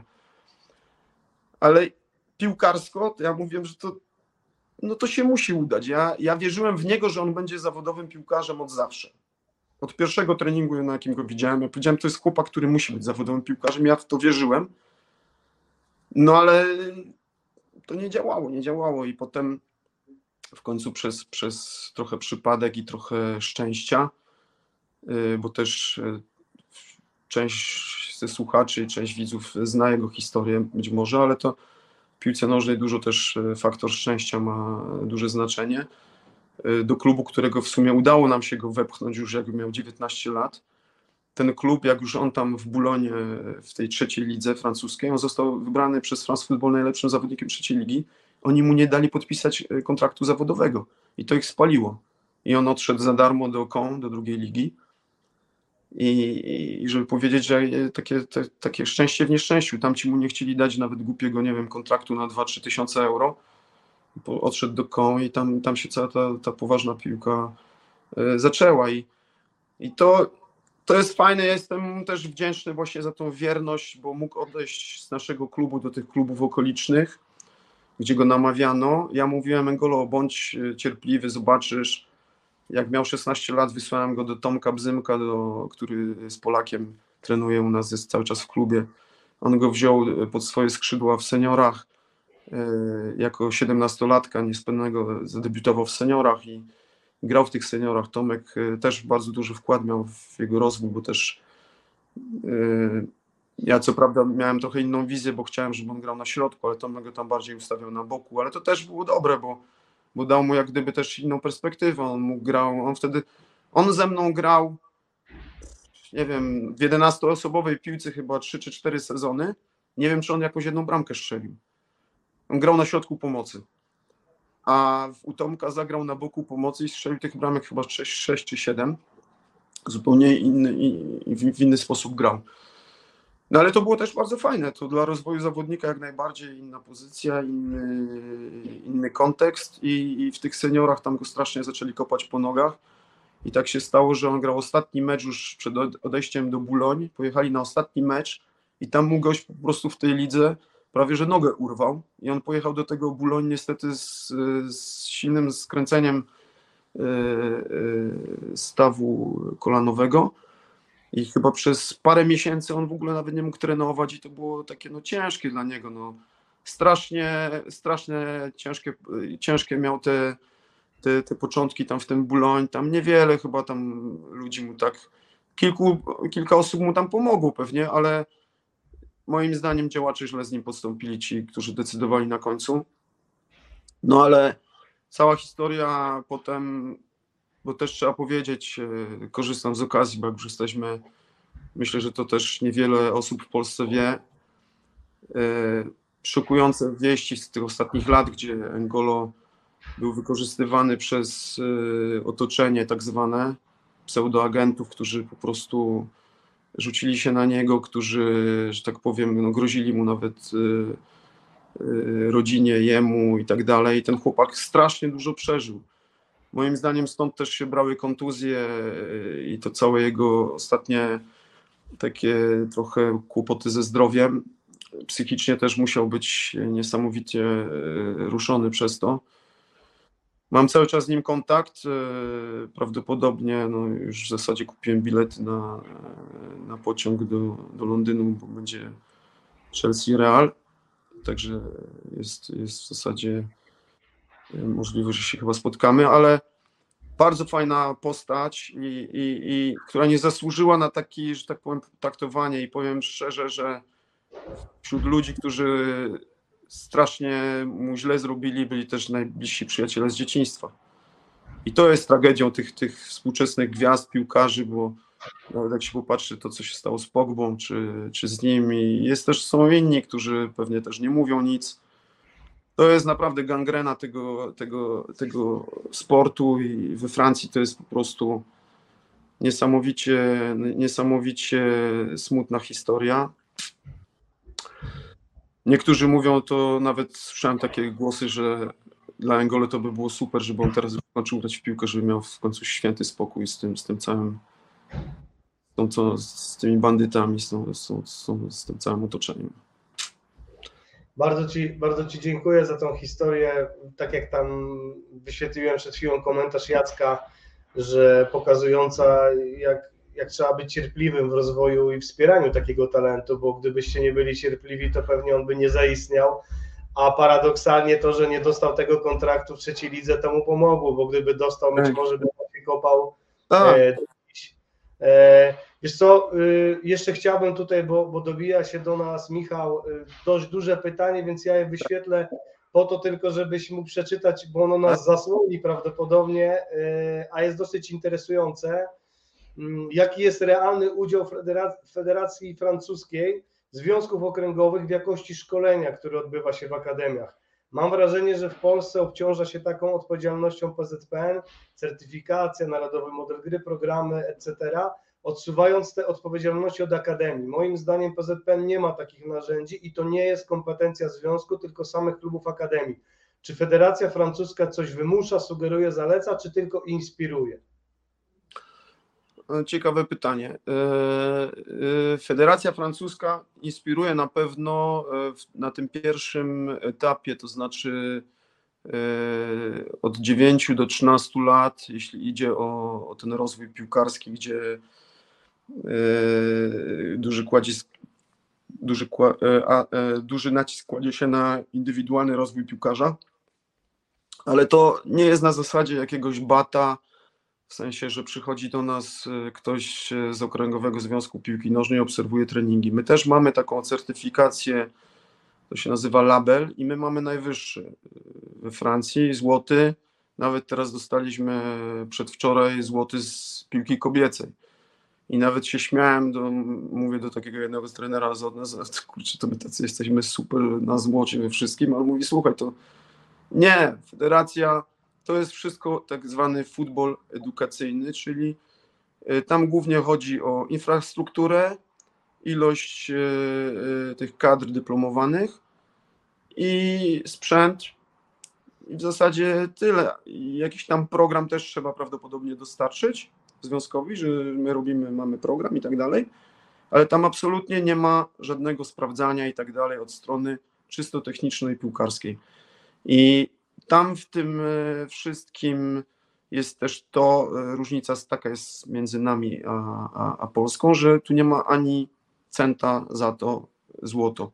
Jest tylko i wyłącznie dotacja jakimiś piłkami e, i, i, i to, to się na tym kończy. Piłki, jakieś znaczniki i kilka tych talerzyków i to jest wszystko za, za złotą odznakę.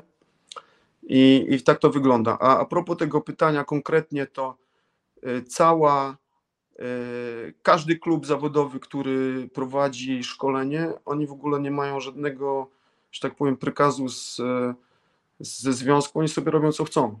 Oni grają w sposób, w jaki chcą, y, preferują styl, jaki chcą i tak dalej. I są też charakterystyki niektórych y, klubów, które są dość wyraźne i, i profile zawodników, jakich oni rekrutują. Można to dostrzec chociażby patrząc na kluby typu Lyon czy Brest. Oni się skupiają na zawodnikach tylko i wyłącznie z regionu. I na przykład Lyon, y, wiadomo, y, ich filozofia gry zawsze była taka też y, bardzo, można powiedzieć, trochę zbliżona, zachowując proporcje do Barcelony, że posiadanie piłki i taka gra bardzo zespołowa i niekoniecznie zawodnicy bardzo fizyczni, a taki Ren, który bardzo dużo sukcesów odniosł w piłce młodzieżowej francuskiej, oni na, e, nastawiali się zawsze na stronę fizyczną i tam na przykład też wtedy swego czasu Engolo się odbił, bo po prostu był za niski. I, i tak to wygląda, a, a w tych e, młodszych, e, tak jak mówię, klubach typu jak nasz, które są, mnie też nikt nie będzie przychodził z związku i nie będzie mi mówił, jak nasi 13-14-latkowie mają grać. Bo to tak nie działa i my sami sobie tu ustalamy i, i potem to wygląda tak, żeby było jasne, e, żeby tutaj jeszcze też tak nie za wybielać francuskiej piłki nie oczerniać polskiej, że tu na przykład powiem tak, że ja oglądałem mecz w tamtym roku na najwyższy, najwyższym poziomie U14 w lidze we Francji i tego się nie dało oglądać, a to była drużyna, która była na pierwszym miejscu. Oni po prostu y, mieli super wyszkolonych zawodników w sensie technicznym nawet, ale też super fizycznych, no ale oni nie grali w piłkę. To była walka. Także to, także to, to jest koncepcja, nie da się tego ogarnąć w sensie takim, że cały yy, kraj będzie funkcjonował jak w szwajcarskim zegarku. Owszem, związek ma bardzo duże znaczenie, tak jak mówię, w edukacji trenerów, w przekazie, bo to się jak gdyby to tak wszystko się rozleje na cały kraj. Jeśli my będziemy tłuc do głowy, że ten wynik nie jest najważniejszy, skończmy z jakimiś tam tabelami, mistrzami, nie wiadomo czym i chwaleniem się, że tam jakiś tam U13 coś tam wygrał jakiś turniej. Jeśli się skupimy na jakości w treningu i na tym w, skali całego kraju, to po paru latach da, da to efekt. Jeśli to będzie w jednym ośrodku, na przykład powiedzmy, że Legia i Lech będą super szkolić, bo byłem na przykład w Lechu i uważam, że oni fajnie tam to wszystko ogarnęli i ten, no ale to jest Lech. Jak wygląda to w jakimś tam anonimowym mieście dziesięciotysięcznym, czy, czy w czterdziestotysięcznym, czy w jakimś klubie, gdzie tam e, ten klub nie jest koniecznie jakoś znany. Być może wygląda to bardzo, bardzo słabo. W regionie paryskim jest 12 milionów ludzi. E, w Warszawie e, w, e, powiedzmy dużych klubów, którzy dobrze szkolą, ile jest? 5? Tak strzelam, nie? Ile jest? 10 powiedzmy. Jest 10 klubów, dobrych, które dobrze szkolą w Warszawie? Nie będę odpowiadał na to pytanie. Okej. Okay. Dobra, to ja nie znam sytuacji, ale mówię, że jest 10. A jakiś optymista niech powie, że jest 15. W regionie paryskim tych klubów jest 100. No i tu jest ta różnica.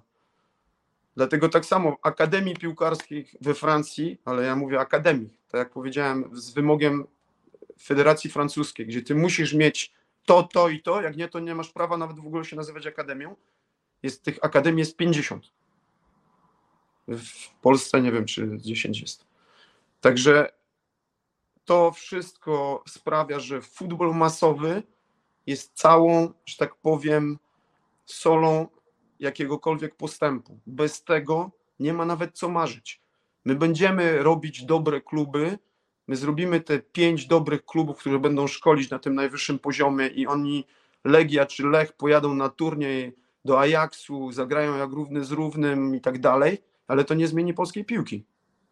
Bo tak jak jest z reprezentacji Francji, która zdobyła Mistrzostwo Europy U19, gdzie grał Mbappe, którego wyrzucił trener z U18. Trener U18 powiedział, ja nie chcę Mbappe. I znam tego trenera, to był mój edukator, taki wojskowy. Facet, który po prostu żywemu nie przypuści, nie, tylko zasady, nie ma żadnych tamten. No Mbappe to jest, ty, ty, nie możesz, ty nie możesz być wojskowym z Mbappe. To jest fenomen. Ty nie możesz go ogarnąć w swoich jakichś takich, ten facet jest po prostu sztywnym gościem, który sobie tylko reguły i tak dalej.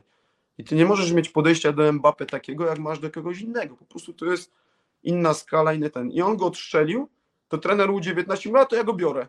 Wziął i zrobili mistrza i nie wiem, czy on nawet czasem nie był tam klon strzelców. I z tej drużyny jest Mbappé teraz to jest rocznik 97, a drugi to jest Markus Thuram.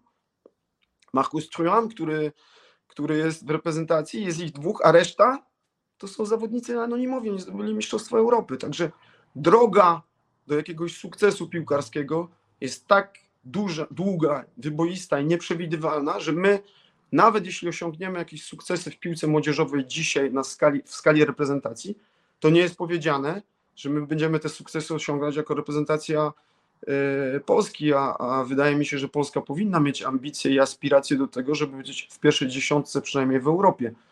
A, chyba teraz obecnie nie, nie, nie za bardzo jesteśmy w pierwszej dziesiątce w Europie. Dlatego y, ta, ta droga jest y, niesamowicie trudna. Zależeć. Aktorów jest bardzo wielu, żeby to zmienić. Pierwszy aktor dla mnie to jest Polski Związek Piłki Nożnej, ale drugim aktorem będzie też te samorządy y, miejskie, czy tam jak to się nazywa, powiatowe, nie wiem, i tak dalej. Dać możliwość rozwoju trenerom, dać otworzyć piłkę, bo to jeszcze jest jedna kwestia, którą ważna, którą chciałbym, e, e, że tak powiem, poruszyć. I, I żeby to nikt tego nie odebrał jako jakiś strzał przeciwko akademiom prywatnym, bo oni też robią bardzo dobrą robotę, e, chcą szkolić i tak dalej, ale to nie jest tak, że dzisiaj w Polsce piłka nożna to jest sport dla ludzi bogatych. We Francji u nas, w naszym klubie, jest tysiąc zawodników. Dlaczego? Bo y, składka roczna kosztuje maksimum 200 euro, z czego ty masz od rządu, od samorządu pomoc dla niektórych w, w okolicach 160 euro. Czyli ten rodzic, on zapłaci 40 euro za sezon, za sezon gry w piłce, w piłce nożnej y, w, w, u chłopaka, który ma 10, 11, 20 lat, czyli to jest dostępne dla wszystkich. Jeszcze w tym ma dres, jeszcze w tym ma jakąś tam koszulkę, getry, spodenki. I to jest pił... I, i, I, tak to działa. Dlatego ten futbol masowy we Francji jest y, tak silny, bo on jest otwarty do wszystkich. W Polsce futbol masowy nie jest otwarty dla wszystkich. Kluby miejskie są martwe. Kluby miejskie nie istnieją praktycznie. One nie, nie, nie mają szans przeżycia, bo może to teraz generalizuję, bo nie znam całej Polski, ale, ale tak z tego, co obserwuję i z odgłosów, jakie, jakie, jakie mam, to, to, że tak powiem, nie, nie, nie ma się co łudzić. Ja mówię, że jeśli nie zmienimy w najbliższych latach tego podejścia tych, tych, w tej kwestii, jakiekolwiek e, postępy i tak dalej, to będzie jakieś chyba wielkie szczęście. Nie, nie, nie, nie zaistniejemy na, na, na, na, na dłużej. No, po prostu. E, Piotrek, mamy jeszcze takie zaległe pytanie od Łukasza. Troszkę tak? wrócimy do, do, wcześniejszych, e, tak skoczymy troszeczkę z tematu na temat, ale nie mhm. chciałbym, żeby to umknęło. Jak wygląda unifikacja gry we Francji? U nas skrzaty 5 na 5 e, i tak dalej, i tak dalej. Mhm. Jak, to, jak wygląda u Was, jeśli mógłbyś się do tego odnieść? Tak, naturalnie. Powiem tak, że we Francji oni są też specjalistami od, mówię oni, to znaczy działacze, decydenci, od ciągłego zmian, ciągłych zmian, e, e, że tak powiem, kategorii, e, kto ilu na ilu ma grać i tak dalej. Kiedyś to było U10 7 na 7, U, 12 U13 9 na 9. Teraz zmienili to. Jest tak, że rozgrywki jakiekolwiek zaczynają się dopiero od U10. Poniżej U10 nie ma żadnych rozgrywek. Nie ma żadnych lig, meczów ani rozgrywek. Każdy klub sobie organizuje tak zwane y, plateau, czyli takie treningi, na którym jest dana kategoria i ewentualnie są y, możliwości, żeby się spotykać na wyjazdach z innymi klubami, ale to jest na zasadzie czystej zabawy. Potem są rozgrywki w wieku 10 lat, 11, U10 u11, U12 i to są rozgrywki, które są prowadzone e, na połowie boiska, dużego boiska, czyli 8 na 8. I zaleta tego jest taka, że po prostu jak jedziesz do jakiegoś klubu, to możesz jednocześnie grają dwie drużyny. Gra twoja na przykład drużyna A i B obok i po prostu są dwa mecze jednocześnie. Czyli to jest nie jest takie głupie, bo to wykorzystujesz maksymalnie e, wielkość boiska i tak dalej. Przy takiej dużej ilości zawodników, jakich mamy i drużyn, I teraz e, druga, ale może zaraz. druga kwestia e, jest. taka to jest też przepisy. E, Czyli futbol ten 11-osobowy zaczyna się w U- U- U13, z tym, że te, ci U13 grają w rozgrywkach U14.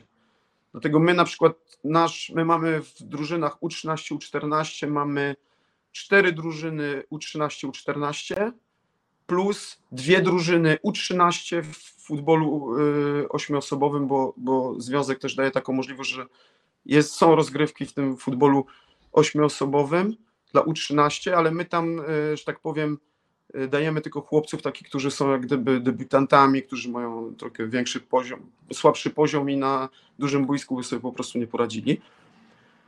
Ale oficjalnie są to rozgrywki dla U14. I, I teraz jest też taka kwestia, której na pewno nie ma w Polsce, że w tym futbolu takim y, edukacyjnym, jak to się mówi, tych rozgrywkach od U10 do U12, bramkarze nie mają prawa wykopywać piłki nogą, oni mogą tylko wznawiać piłkę do gry rękami, także albo nogami jako tak jak zawodnik, ale nie, mo, nie mogą robić takiego wy, wykopu bramkarskiego z piłką w ręce.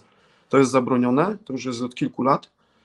I jest jeszcze taka inna rzecz, że w wieku y, U2, są rozgrywki, ale nie ma tabel w U10, U11.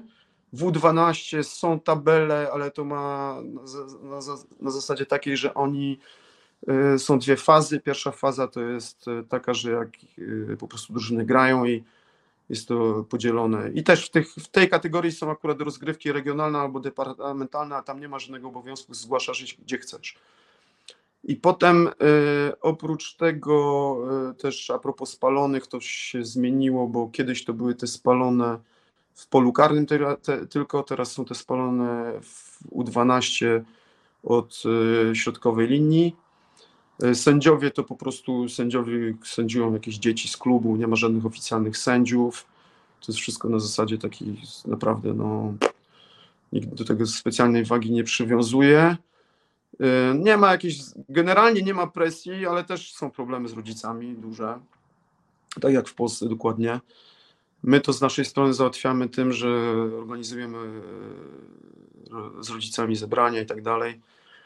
Y, No ale tak jak powiedziałem, ta, ta, ta, ta piłka taka edukacyjna, jak to tutaj się to nazywa, na tym małym zwężonym boisku jest to nie, u nas w, w każdym razie w naszym klubie nie ma żadnej presji ze strony wyników, działaczy czy trenerów. To wręcz przeciwnie, to ja tu uważam, że to jest naprawdę bardzo, bardzo drugo, drugorzędna sprawa i najważniejsze jest, żeby, żeby wszyscy grali, no nie, żeby też ci słabsi, mamy dużo tych dzieci, staramy się, żeby wszyscy mogli mieć mecze i, i to, co jest też ważne, bardzo ważne, to dostosowywanie do, doboru przeciwników, żeby też grać e, z przeciwnikami mniej więcej na zbliżonym poziomie, a nie, nie robić jakichś meczów, gdzie tam wygrywasz 15-0, to nie ma najmniejszego sensu. Strata czasu dla jednych i dla drugich. Także to jest też e, rzecz, którą trzeba, na którą trzeba zwracać uwagę w, takim w szkoleniu takich e, chłopaków. Tym bardziej, że ja, tak jak mówię, w piłce młodzieżowej trochę siedzę i naprawdę ja w wieku 18 lat, trenuję 18-latków już od lat. Ja mam wielu zawodników, którzy w, e, w tych e, drużynach U10, U11, U12 nigdy nawet nie grali w A. Często to byli drużyny, e, zawodnicy z drugiej, że tak powiem, kategorii, z B. A są to dla mnie, mój teraz jeden z najlepszych zawodników, on nigdy nie zagrał, dopiero u mnie zaczął grać w A. W U16 grał całe życie w B, w U15, a jest to teraz jeden z moich najlepszych zawodników. W pierwszej trójce się mieści. Także wydaje mi się, że cierpliwość jest najważniejsza i też takie zachęcanie, też nie y, robienie wszystkiego, żeby tych chłopaków y, nie zniechęcać przede wszystkim. To jest, to jest Piotrek, Piotrek, już ostatnie pytanie e, od Jacka. Trochę cię dzisiaj przemęczyliśmy, ale mam nadzieję, Nie, ja, ja naprawdę bardzo lubię rozmawiać. Jakbym nie lubił, to bym mnie tu nie było. Ja jestem takim człowiekiem, do, mnie do niczego nie możesz zmusić. Dlaczego ja jestem 25 lat w jednym klubie? Jakby mi się tu nie podobało, to bym tu nie był. I ja bardzo lubię rozmawiać o piłce. Miałem wiele okazji wywiadów różnych z ludźmi z Polski, z zagranicy.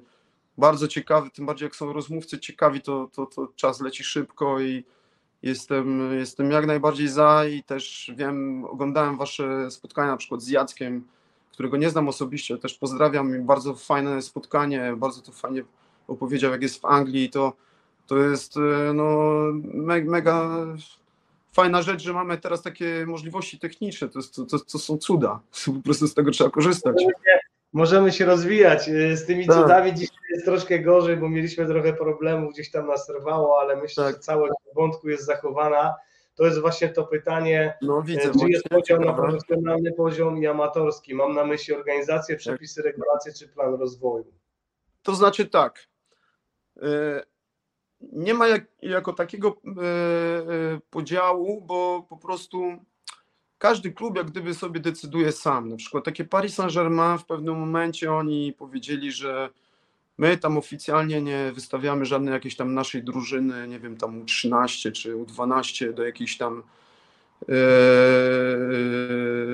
rozgrywek, tylko my sobie tam będziemy na boku grać z, z, z wszystkimi innymi klubami, z jakimi chcemy grać, a nie będziemy e, brać jakichś oficjalnych udziałów w rozgrywkach i być może wtedy tam wystawiają sobie jakąś tam drugą drużynę czy coś. I to wygląda w taki sposób. Ja na przykład byłem zszokowany, jak byłem w Breście, że oni powiedzieli, że my mamy w U12 15 zawodników. Ja sobie myślę, 15 zawodników na cały sezon? A my no tak. A ja mówię, no a co się stanie, jak na przykład tam macie jakieś choroby, czy coś tam kontuzjowane? No to bierzemy z, U, z U11, czy tam z U12. Oni po prostu zawęzili grupę strasznie w tym, tej piłce takiej, e, nie wiem, czy chyba nawet tych U6, U7 to chyba nawet nie mieli. Wiem, że to jakoś tak było, że po prostu, bo, bo gdyby mieli, to by po prostu nie mogliby tego ogarnąć, no nie? Bo, bo by wszyscy chcieli być i, i jak gdyby zaczynają to dopiero od tego 13 roku życia chyba tak na, na serio. I tak podobnie jest, e, e, że kluby sobie jak gdyby same decydują w, na przykładzie regionu paryskiego ten poziom piłki młodzieżowej jest niesamowicie wysoki, bo tutaj jest niesamowicie dużo lig takich, jak popatrzysz od 13-latków, to masz 13-14-latków, gdzie zaczynasz piłkę nożną 11-osobową, to masz regionalna pierwsza, regionalna druga, regionalna trzecia, to są trzy ligi regionalne i potem niżej masz pięć lig yy, yy, departamentalnych, czyli ty masz na sam dół to jest 8 lig, to jest 8 poziomów, czyli to jest bardzo dużo i, i skala w tych, w tych, tych, faktem jest, że regionalna jedna jakby zagrała tak z taką drużyną regionalna, e, de, departamentalna na przykład 3, to jest niesamowita różnica w poziomie, ale to też zależy od klubów, bo w regionie paryskim ja widziałem drużyny z, regional, e, z departamentalnej 2,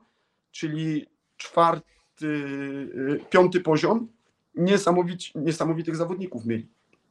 Dlaczego? Bo, bo to oni chcą być z kolegami i oni nie chcą zmieniać klubu i, i to nie każdy ma takie, nie każdy chce być zawodowym piłkarzem. Ja to sam przeżyłem w moim klubie z moimi zawodnikami. Ja miałem zawodników, którzy w wieku 13-14 lat mieli predyspozycję po to, żeby pójść do, do, do, piłki zawodowej, ale nie poszli, bo po prostu poszli w stronę nauki, studiów i tak dalej. Dlatego ten, to rozdzielenie między piłką profesjonalną a amatorską jest takie wyraźne w wieku 16 lat, 15-16 lat. Czyli w wieku y, 17 lat są pierwsze rozgrywki takie centralne, które się prowadzi przez federację. W wieku 15 lat nie ma rozgrywek centralnych, tak jak w Polsce. U17, U19 to są rozgrywki centralne. I teraz przed te, te kluby, wszystkie, które grają w tych rozgrywkach centralnych, to oni czerpią z tych klubów, które są na rozgrywkach regionalnych, to oni, czy nawet departamentalnych, to oni stamtąd zabierają zawodników. Ja miałem kiedyś taki przypadek kilka lat temu, jest nawet z okresu, gdy Angolo u nas grał. Miałem zawodnika, no po prostu szok. Grał w ten sam, rocznik Angolo, ale myślę, że jak to się mówi, miał przebite blachy. Myślę, że miał z dwa lata więcej. Z czadu chłopak. to Ren nam go po- podesłał, myśmy byli wtedy klubem partnerskim Ren i Ren mówi, a my mamy tu takiego chłopaka, no oni go nie chcieli, bo widocznie stwierdzili, że za słaby dla nich, ale to, co miał chłopak, szybkość i technikę i ten, no to myśmy go wzięli i on grał u nas i, i myśmy byli wtedy w U16 na, nie przesadzając, na jakimś chyba piątym czy czwartym poziomie rozgrywkowym i drużyna z pierwszego poziomu zgłosiła się do nas, po prostu podkradli nam, wzięli go i ten chłopak ich utrzymał, on strzelał bramki i, i oni się dzięki niemu utrzymali. No ale potem ten chłopak zniknął z piłki, no po prostu oni go źle poprowadzili, on potem tam w seniorach pokopał na jakimś tam najwyższym poziomie amatorskim, ale dalej już go tam nie pokierowali gdzie trzeba, no po prostu. A my z kolei mamy taką filozofię, że mamy, staramy się naszych zawodników, takich wyróżniających się, pokierować. Yy, mamy sporo kontaktów w klubach zawodowych i, i no naprawdę Y, jeśli widzimy, że ten chłopak ma coś niesamowitego, to go wysyłamy y, i nie, nie, nie będziemy go chować u nas, a uważamy, że nie mamy jakichś kompleksów. I tutaj też chciałbym jeszcze powrócić do, do problemu kompleksu. Niech trenerzy polscy nie mają żadnych kompleksów. Ani, ani, ani piłkarze też, którzy wyjeżdżają za granicę. Ci młodzi piłkarze, mam nadzieję, że to się zmieni. Zero kompleksów. W piłce nożnej to jest niesamowicie ważne, ten, ta, ta, ta, ta część taka, że ty masz wjeżdżać tam i ty masz, ty nie masz się czaić, że coś tam ten, tylko po prostu masz, masz atakować, nie? Najlepszą obroną jest atak, także to nie ma jakiejś tam się, także dlatego ja taką radę jakbym mógł dać tym młodym piłkarzom, którzy wyjeżdżają za, za granicę, być może tam dla nich będzie jakimś przeskokiem, przeskokiem, ale pierwsza rzecz nauka języka i potem oni mają atakować. I, i dlatego to, to właśnie te, te, te, ten aspekt taki psychologiczny jest niesamowicie, niesamowicie ważny, bo, bo same umiejętności to, to, to jeszcze niczego nie gwarantują.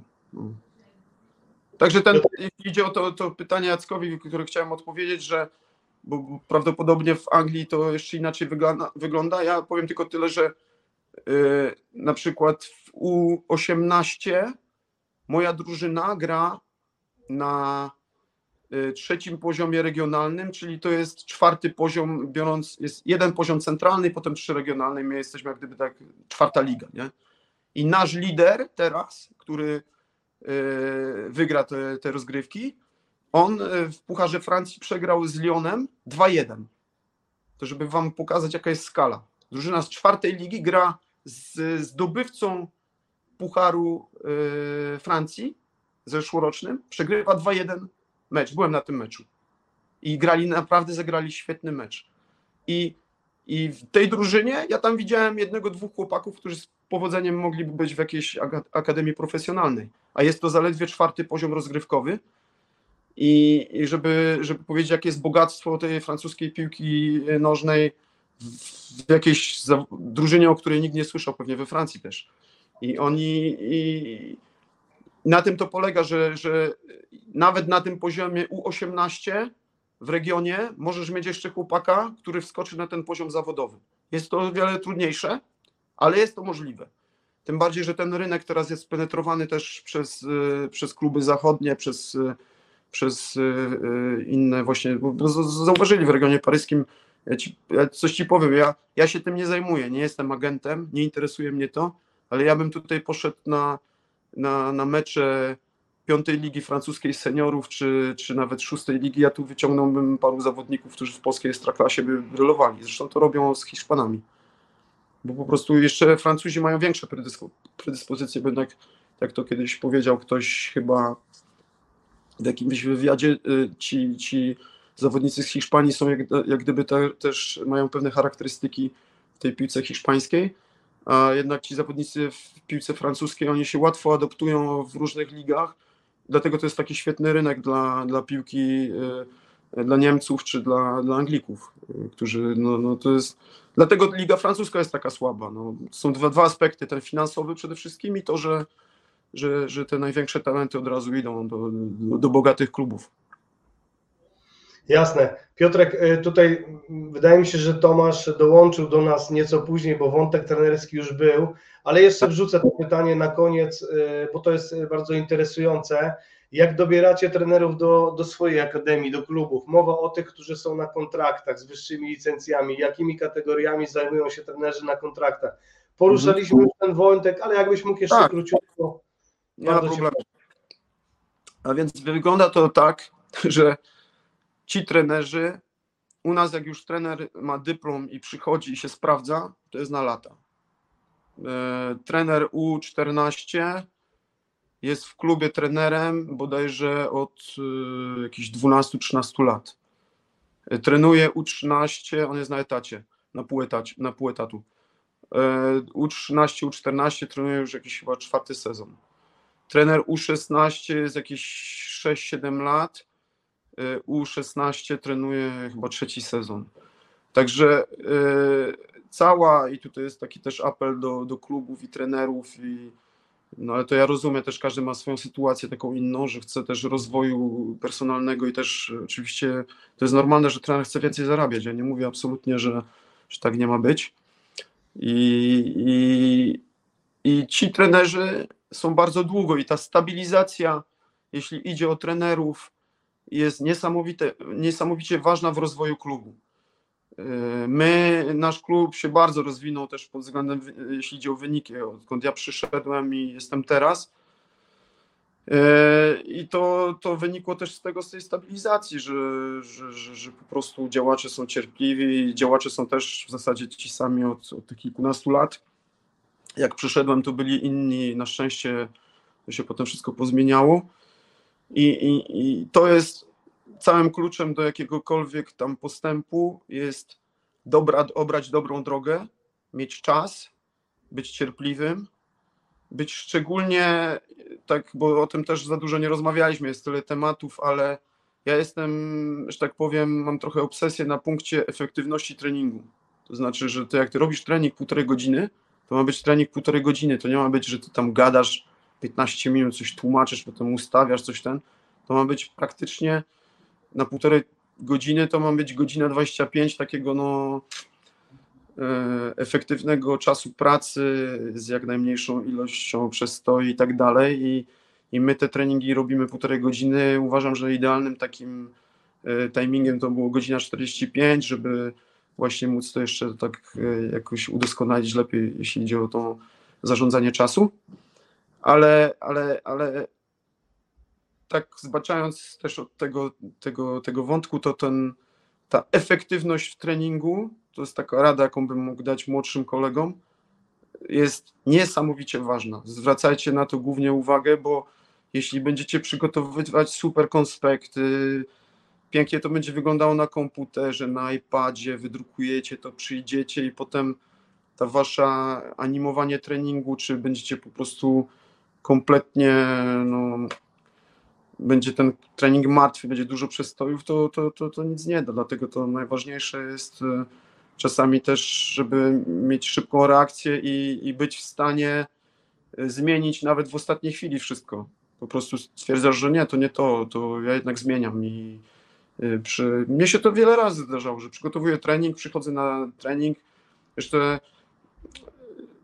trenując 18-latków, powiem wam jaka jest sytuacja w dzisiejszej piłce, bo to też, tak jak mówię, my, my tu gadamy już prawie dwie godziny, a moglibyśmy jeszcze trzy pogadać, ale to są ważne rzeczy uważam, bo ja wam powiem tylko tyle, ja mam w kategorii 18-latków Piotrek jest pomysł, Piotrek jest pomysł, zaraz będziesz kontynuował. Mamy taki format, który się nazywa dogrywka. I już tutaj widzę, już tutaj widzę, że są, są w tym kierunku zapytania, także jak skończymy rozmawiać, nie rozłączaj się proszę. Nie ma problemu.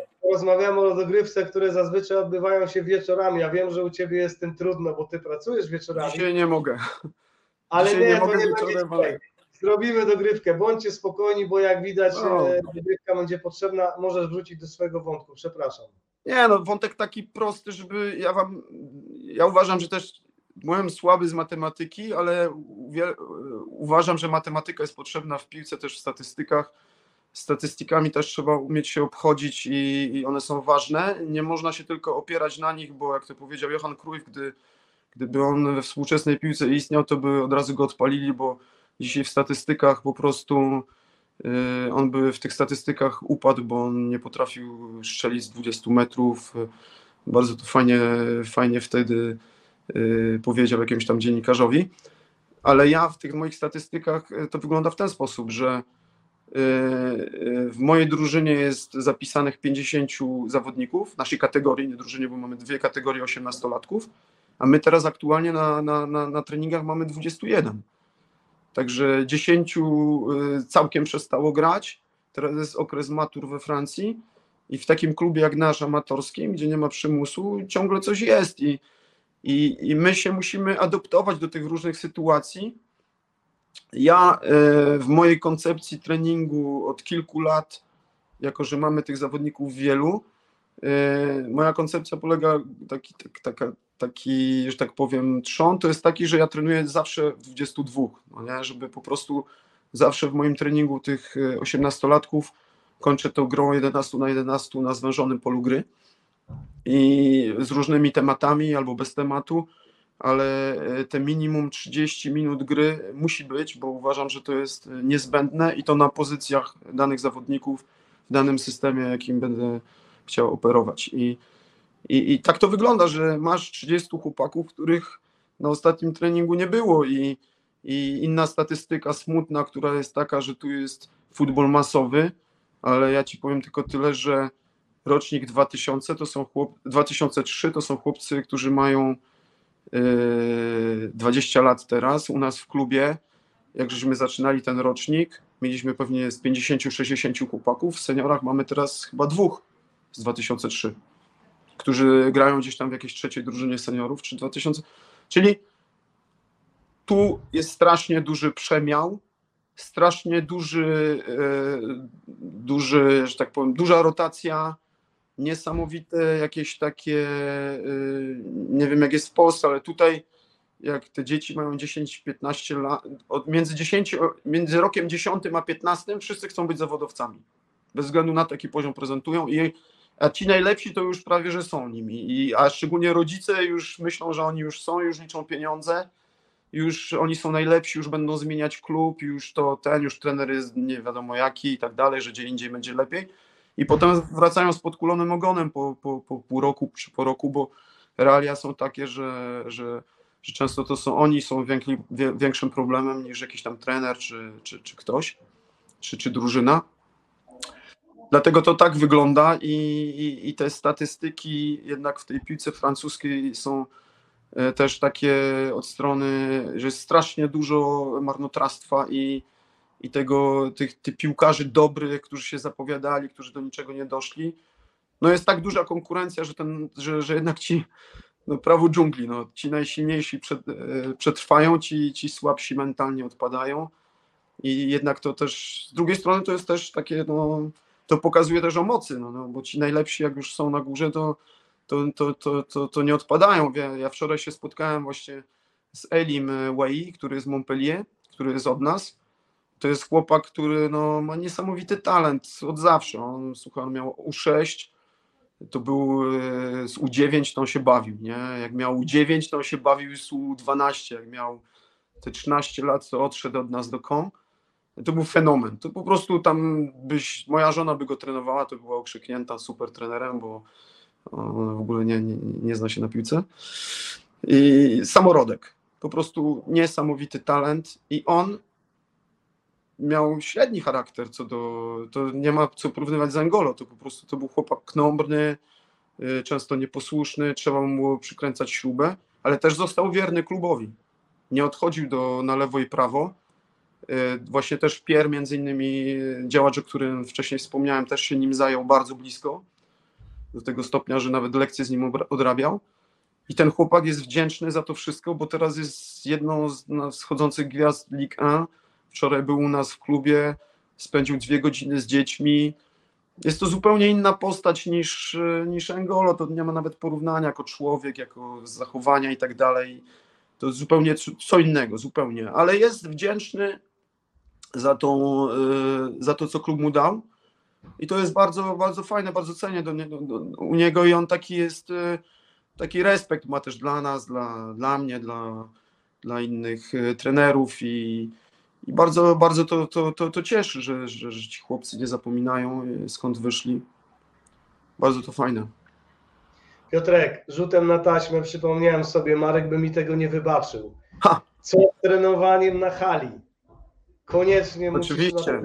Marek ma totalną rację co do, e, że tak powiem, e,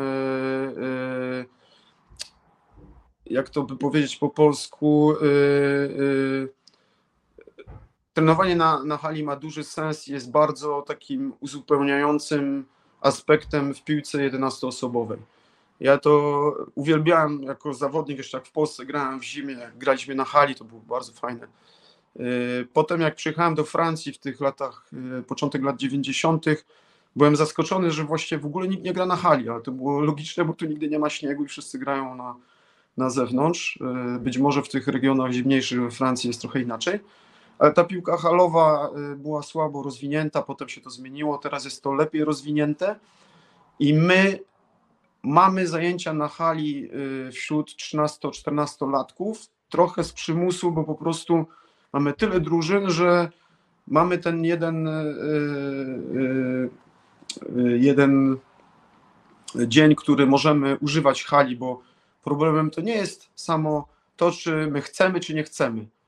My, gdybyśmy nawet chcieli, to nie możemy, bo ta hala jest okupowana przez inne sporty 24 na 24 i ten jedyny y, moment, który nam dają, to my to wykorzystujemy. A ja osobiście wykorzystuję bardzo halę w moich stażach, które prowadzę na feriach, y, bo tutaj we Francji mamy trzy razy ferie w roku i my prowadzimy trzy takie staże w jednym sezonie i na tych stażach popołudniami organizuję, organizuję zawsze turnieje halowe i to, to jest bardzo fajna rzecz, dzieci to uwielbiają. Jest to zupełnie inna piłka, ale to jest taki komplement, bo do, do, do, do, do udoskonalania techniki indywidualnej, do gry na małej przestrzeni, do sytuacji e, takich, e, które są na, pod dużą presją, do szybkiego grania. Może trochę piłce takiej futsalowej konkretnie, której nie oglądam w ogóle, praktycznie chyba przypuszczam, że nie ma, jest bardzo mało dryblingu, ale w tej naszej futsalowej piłce ci chłopcy próbują, próbują bardzo dużo dryblować w tych sytuacji jeden na jeden. Także jeśli ktoś ma tylko okazję i może to wykorzystać w tej piłce halowej, to niech to robi jak najbardziej. E, Ben Yedder, który jest zawodnikiem Monaco, do bardzo późnego roku, chyba nie wiem, on nawet chyba w wieku 17, 18 czy 19 lat grał w futsalu i, i jest reprezentantem Francji, e, jednym z najlepszych strzelców w, w piłce, w, w ligę. I także to nie, to jak najbardziej Marek pozdrawiam i, i jestem za. I trzeba jak tylko to jest możliwe tę, tę, tę, tą piłkę futsalową rozwijać i, i, i zawsze będzie to udoskonalenie. My mamy jednego 16-latka, jeden z najlepszych techników, on gra w drużynie futsalowej w innym klubie. Piotrek, na koniec masz pozdrowienia ze swoich rodzinnych stron. Tak, E, Grześ, Grześka też bardzo. Pytanie, kiedy rewanż w siatkonogę? E, To już tam sobie chłopaki ustalicie pewnie między sobą. E, Chciałem Ci z całego Tak. serca bardzo, bardzo Pozdrawiam też podziękować. Grześka, pamiętam, e, jego tata był moim trenerem. E, Bardzo fajnie, że, że też chyba trenuje, jest, został przy piłce i to, to też Sanok to jest, zawsze zostanie w moim sercu i to, to były super wspomnienia. Zawsze o tym mam wszystkie wycinki z gazet z tamtych lat i wszystko to zachowałem, to jak relikwie. E, Zresztą ja jestem całym sercem z polską piłką, z reprezentacją, z klubami. No, mam nadzieję, że to wszystko ruszy i wierzę w to, że ruszy. I nie, musimy po prostu wszyscy jakoś to pchać do przodu i, i, i- to się zmieni. No, zmieni się. Może mam nadzieję, że się szybko zmieni, ale, ale, ale się zmieni i to, to prostu tak jak mówię, wymogi są takie, że piłka to jest spektakl, wszyscy będą dążyć do tego, żeby kluby ten, ten, ten spektakl e, jak gdyby tworzyły na boisku przede wszystkim, bo wiem, że spektakl na polskich trybunach jest też często obecny, pozytywny i negatywny, ale y, niektóre drużyny, niektórzy kibice mają fajne, fajne oprawy, fajnie to, fajnie to robią. Y, Podoba mi się, jeśli to się wszystko, że tak powiem, odbywa w kulturalny sposób, bo wydaje mi się, to jest y, też. Trzeba o tym pamiętać, że siła tej piłki całej, którą wszyscy będą budować, tego sportu, który wszystkich kochamy, nie może dzielić ludzi, nie może jak gdyby tak zniechęcać, że ja bym chciał do- doczekać takich czasów, żebyśmy poszli na mecze, jesteśmy, nie lubimy jakiejś drużyny, ale nie wyzywamy się, nie, możemy iść z żoną, z dzieckiem, jesteś dziadkiem, możesz możesz zabrać wnuków spokojnie na mecz, a nie musisz uciekać, bo lecą jakieś butelki czy kamienie, bo to są naprawdę chore sytuacje. Chciał, żeby był fajny doping, ale żebyśmy wszyscy mogli normalnie obejrzeć mecz, żebyśmy mogli podyskutować potem, wymienić się argumentami, y, powiedzieć, a to jest fajne. Tego wydaje mi się, że w Polsce jeszcze nie ma. Jest ciągle jednak, są te sytuacje takie niestety skrajne, gdzie w jakimś meczu trzecioligowym, anonimowym e, są setki policjantów, którzy muszą chronić ludzi. To są jakieś dla mnie rzeczy po prostu jakieś, z jakieś, jakieś innego świata. W ogóle to jest. I to niestety jest częścią słabości polskiej piłki. Możemy mówić, co chcemy. To jest antyreklamą dyscypliny. To jest y, po prostu, to niczego dobrego nie tworzy w tworzeniu środowiska piłkarskiego, bo to środowisko piłkarskie może, musi dążyć do tego, żeby było jak najzdrowsze wśród działaczy, wśród kibiców, wśród ekspertów, we wszystkim. Dlatego trzymam kciuki za, za wszystkich tych pasjonatów, za, za, za, za, za, za, za ciebie, za wasze pismo, za wszystkich trenerów, którzy jednak e, nie odpuszczają, e, że naprawdę to jest bardzo ważne. I tu jeszcze Mariusz Wódz, to na pewno się musimy spotkać. Ja Mariusz cię obserwuję. Ja wiem, że ty jesteś bardzo dobrym trenerem i szacunek, bo wiem, że, że, że w Niepołomicach e, jesteś, e, tak myślę cały czas i też świetną robotę. Mariusz Wódz, który naprawdę, nie wiem, chyba z 20 lat temu żeśmy się widzieli, może, może nie, z 15 lat temu, on już wtedy zaczął na początkach inter, internetu też działać e, w takich właśnie dużo materiałów też mi podrzucał z Polski wtedy wymienialiśmy, byliśmy w kontakcie, ten kontrakt trochę się tak nienaturalnie urwał, ale ja Mariusza zawsze doceniałem i, i obserwowałem z Mielca zresztą.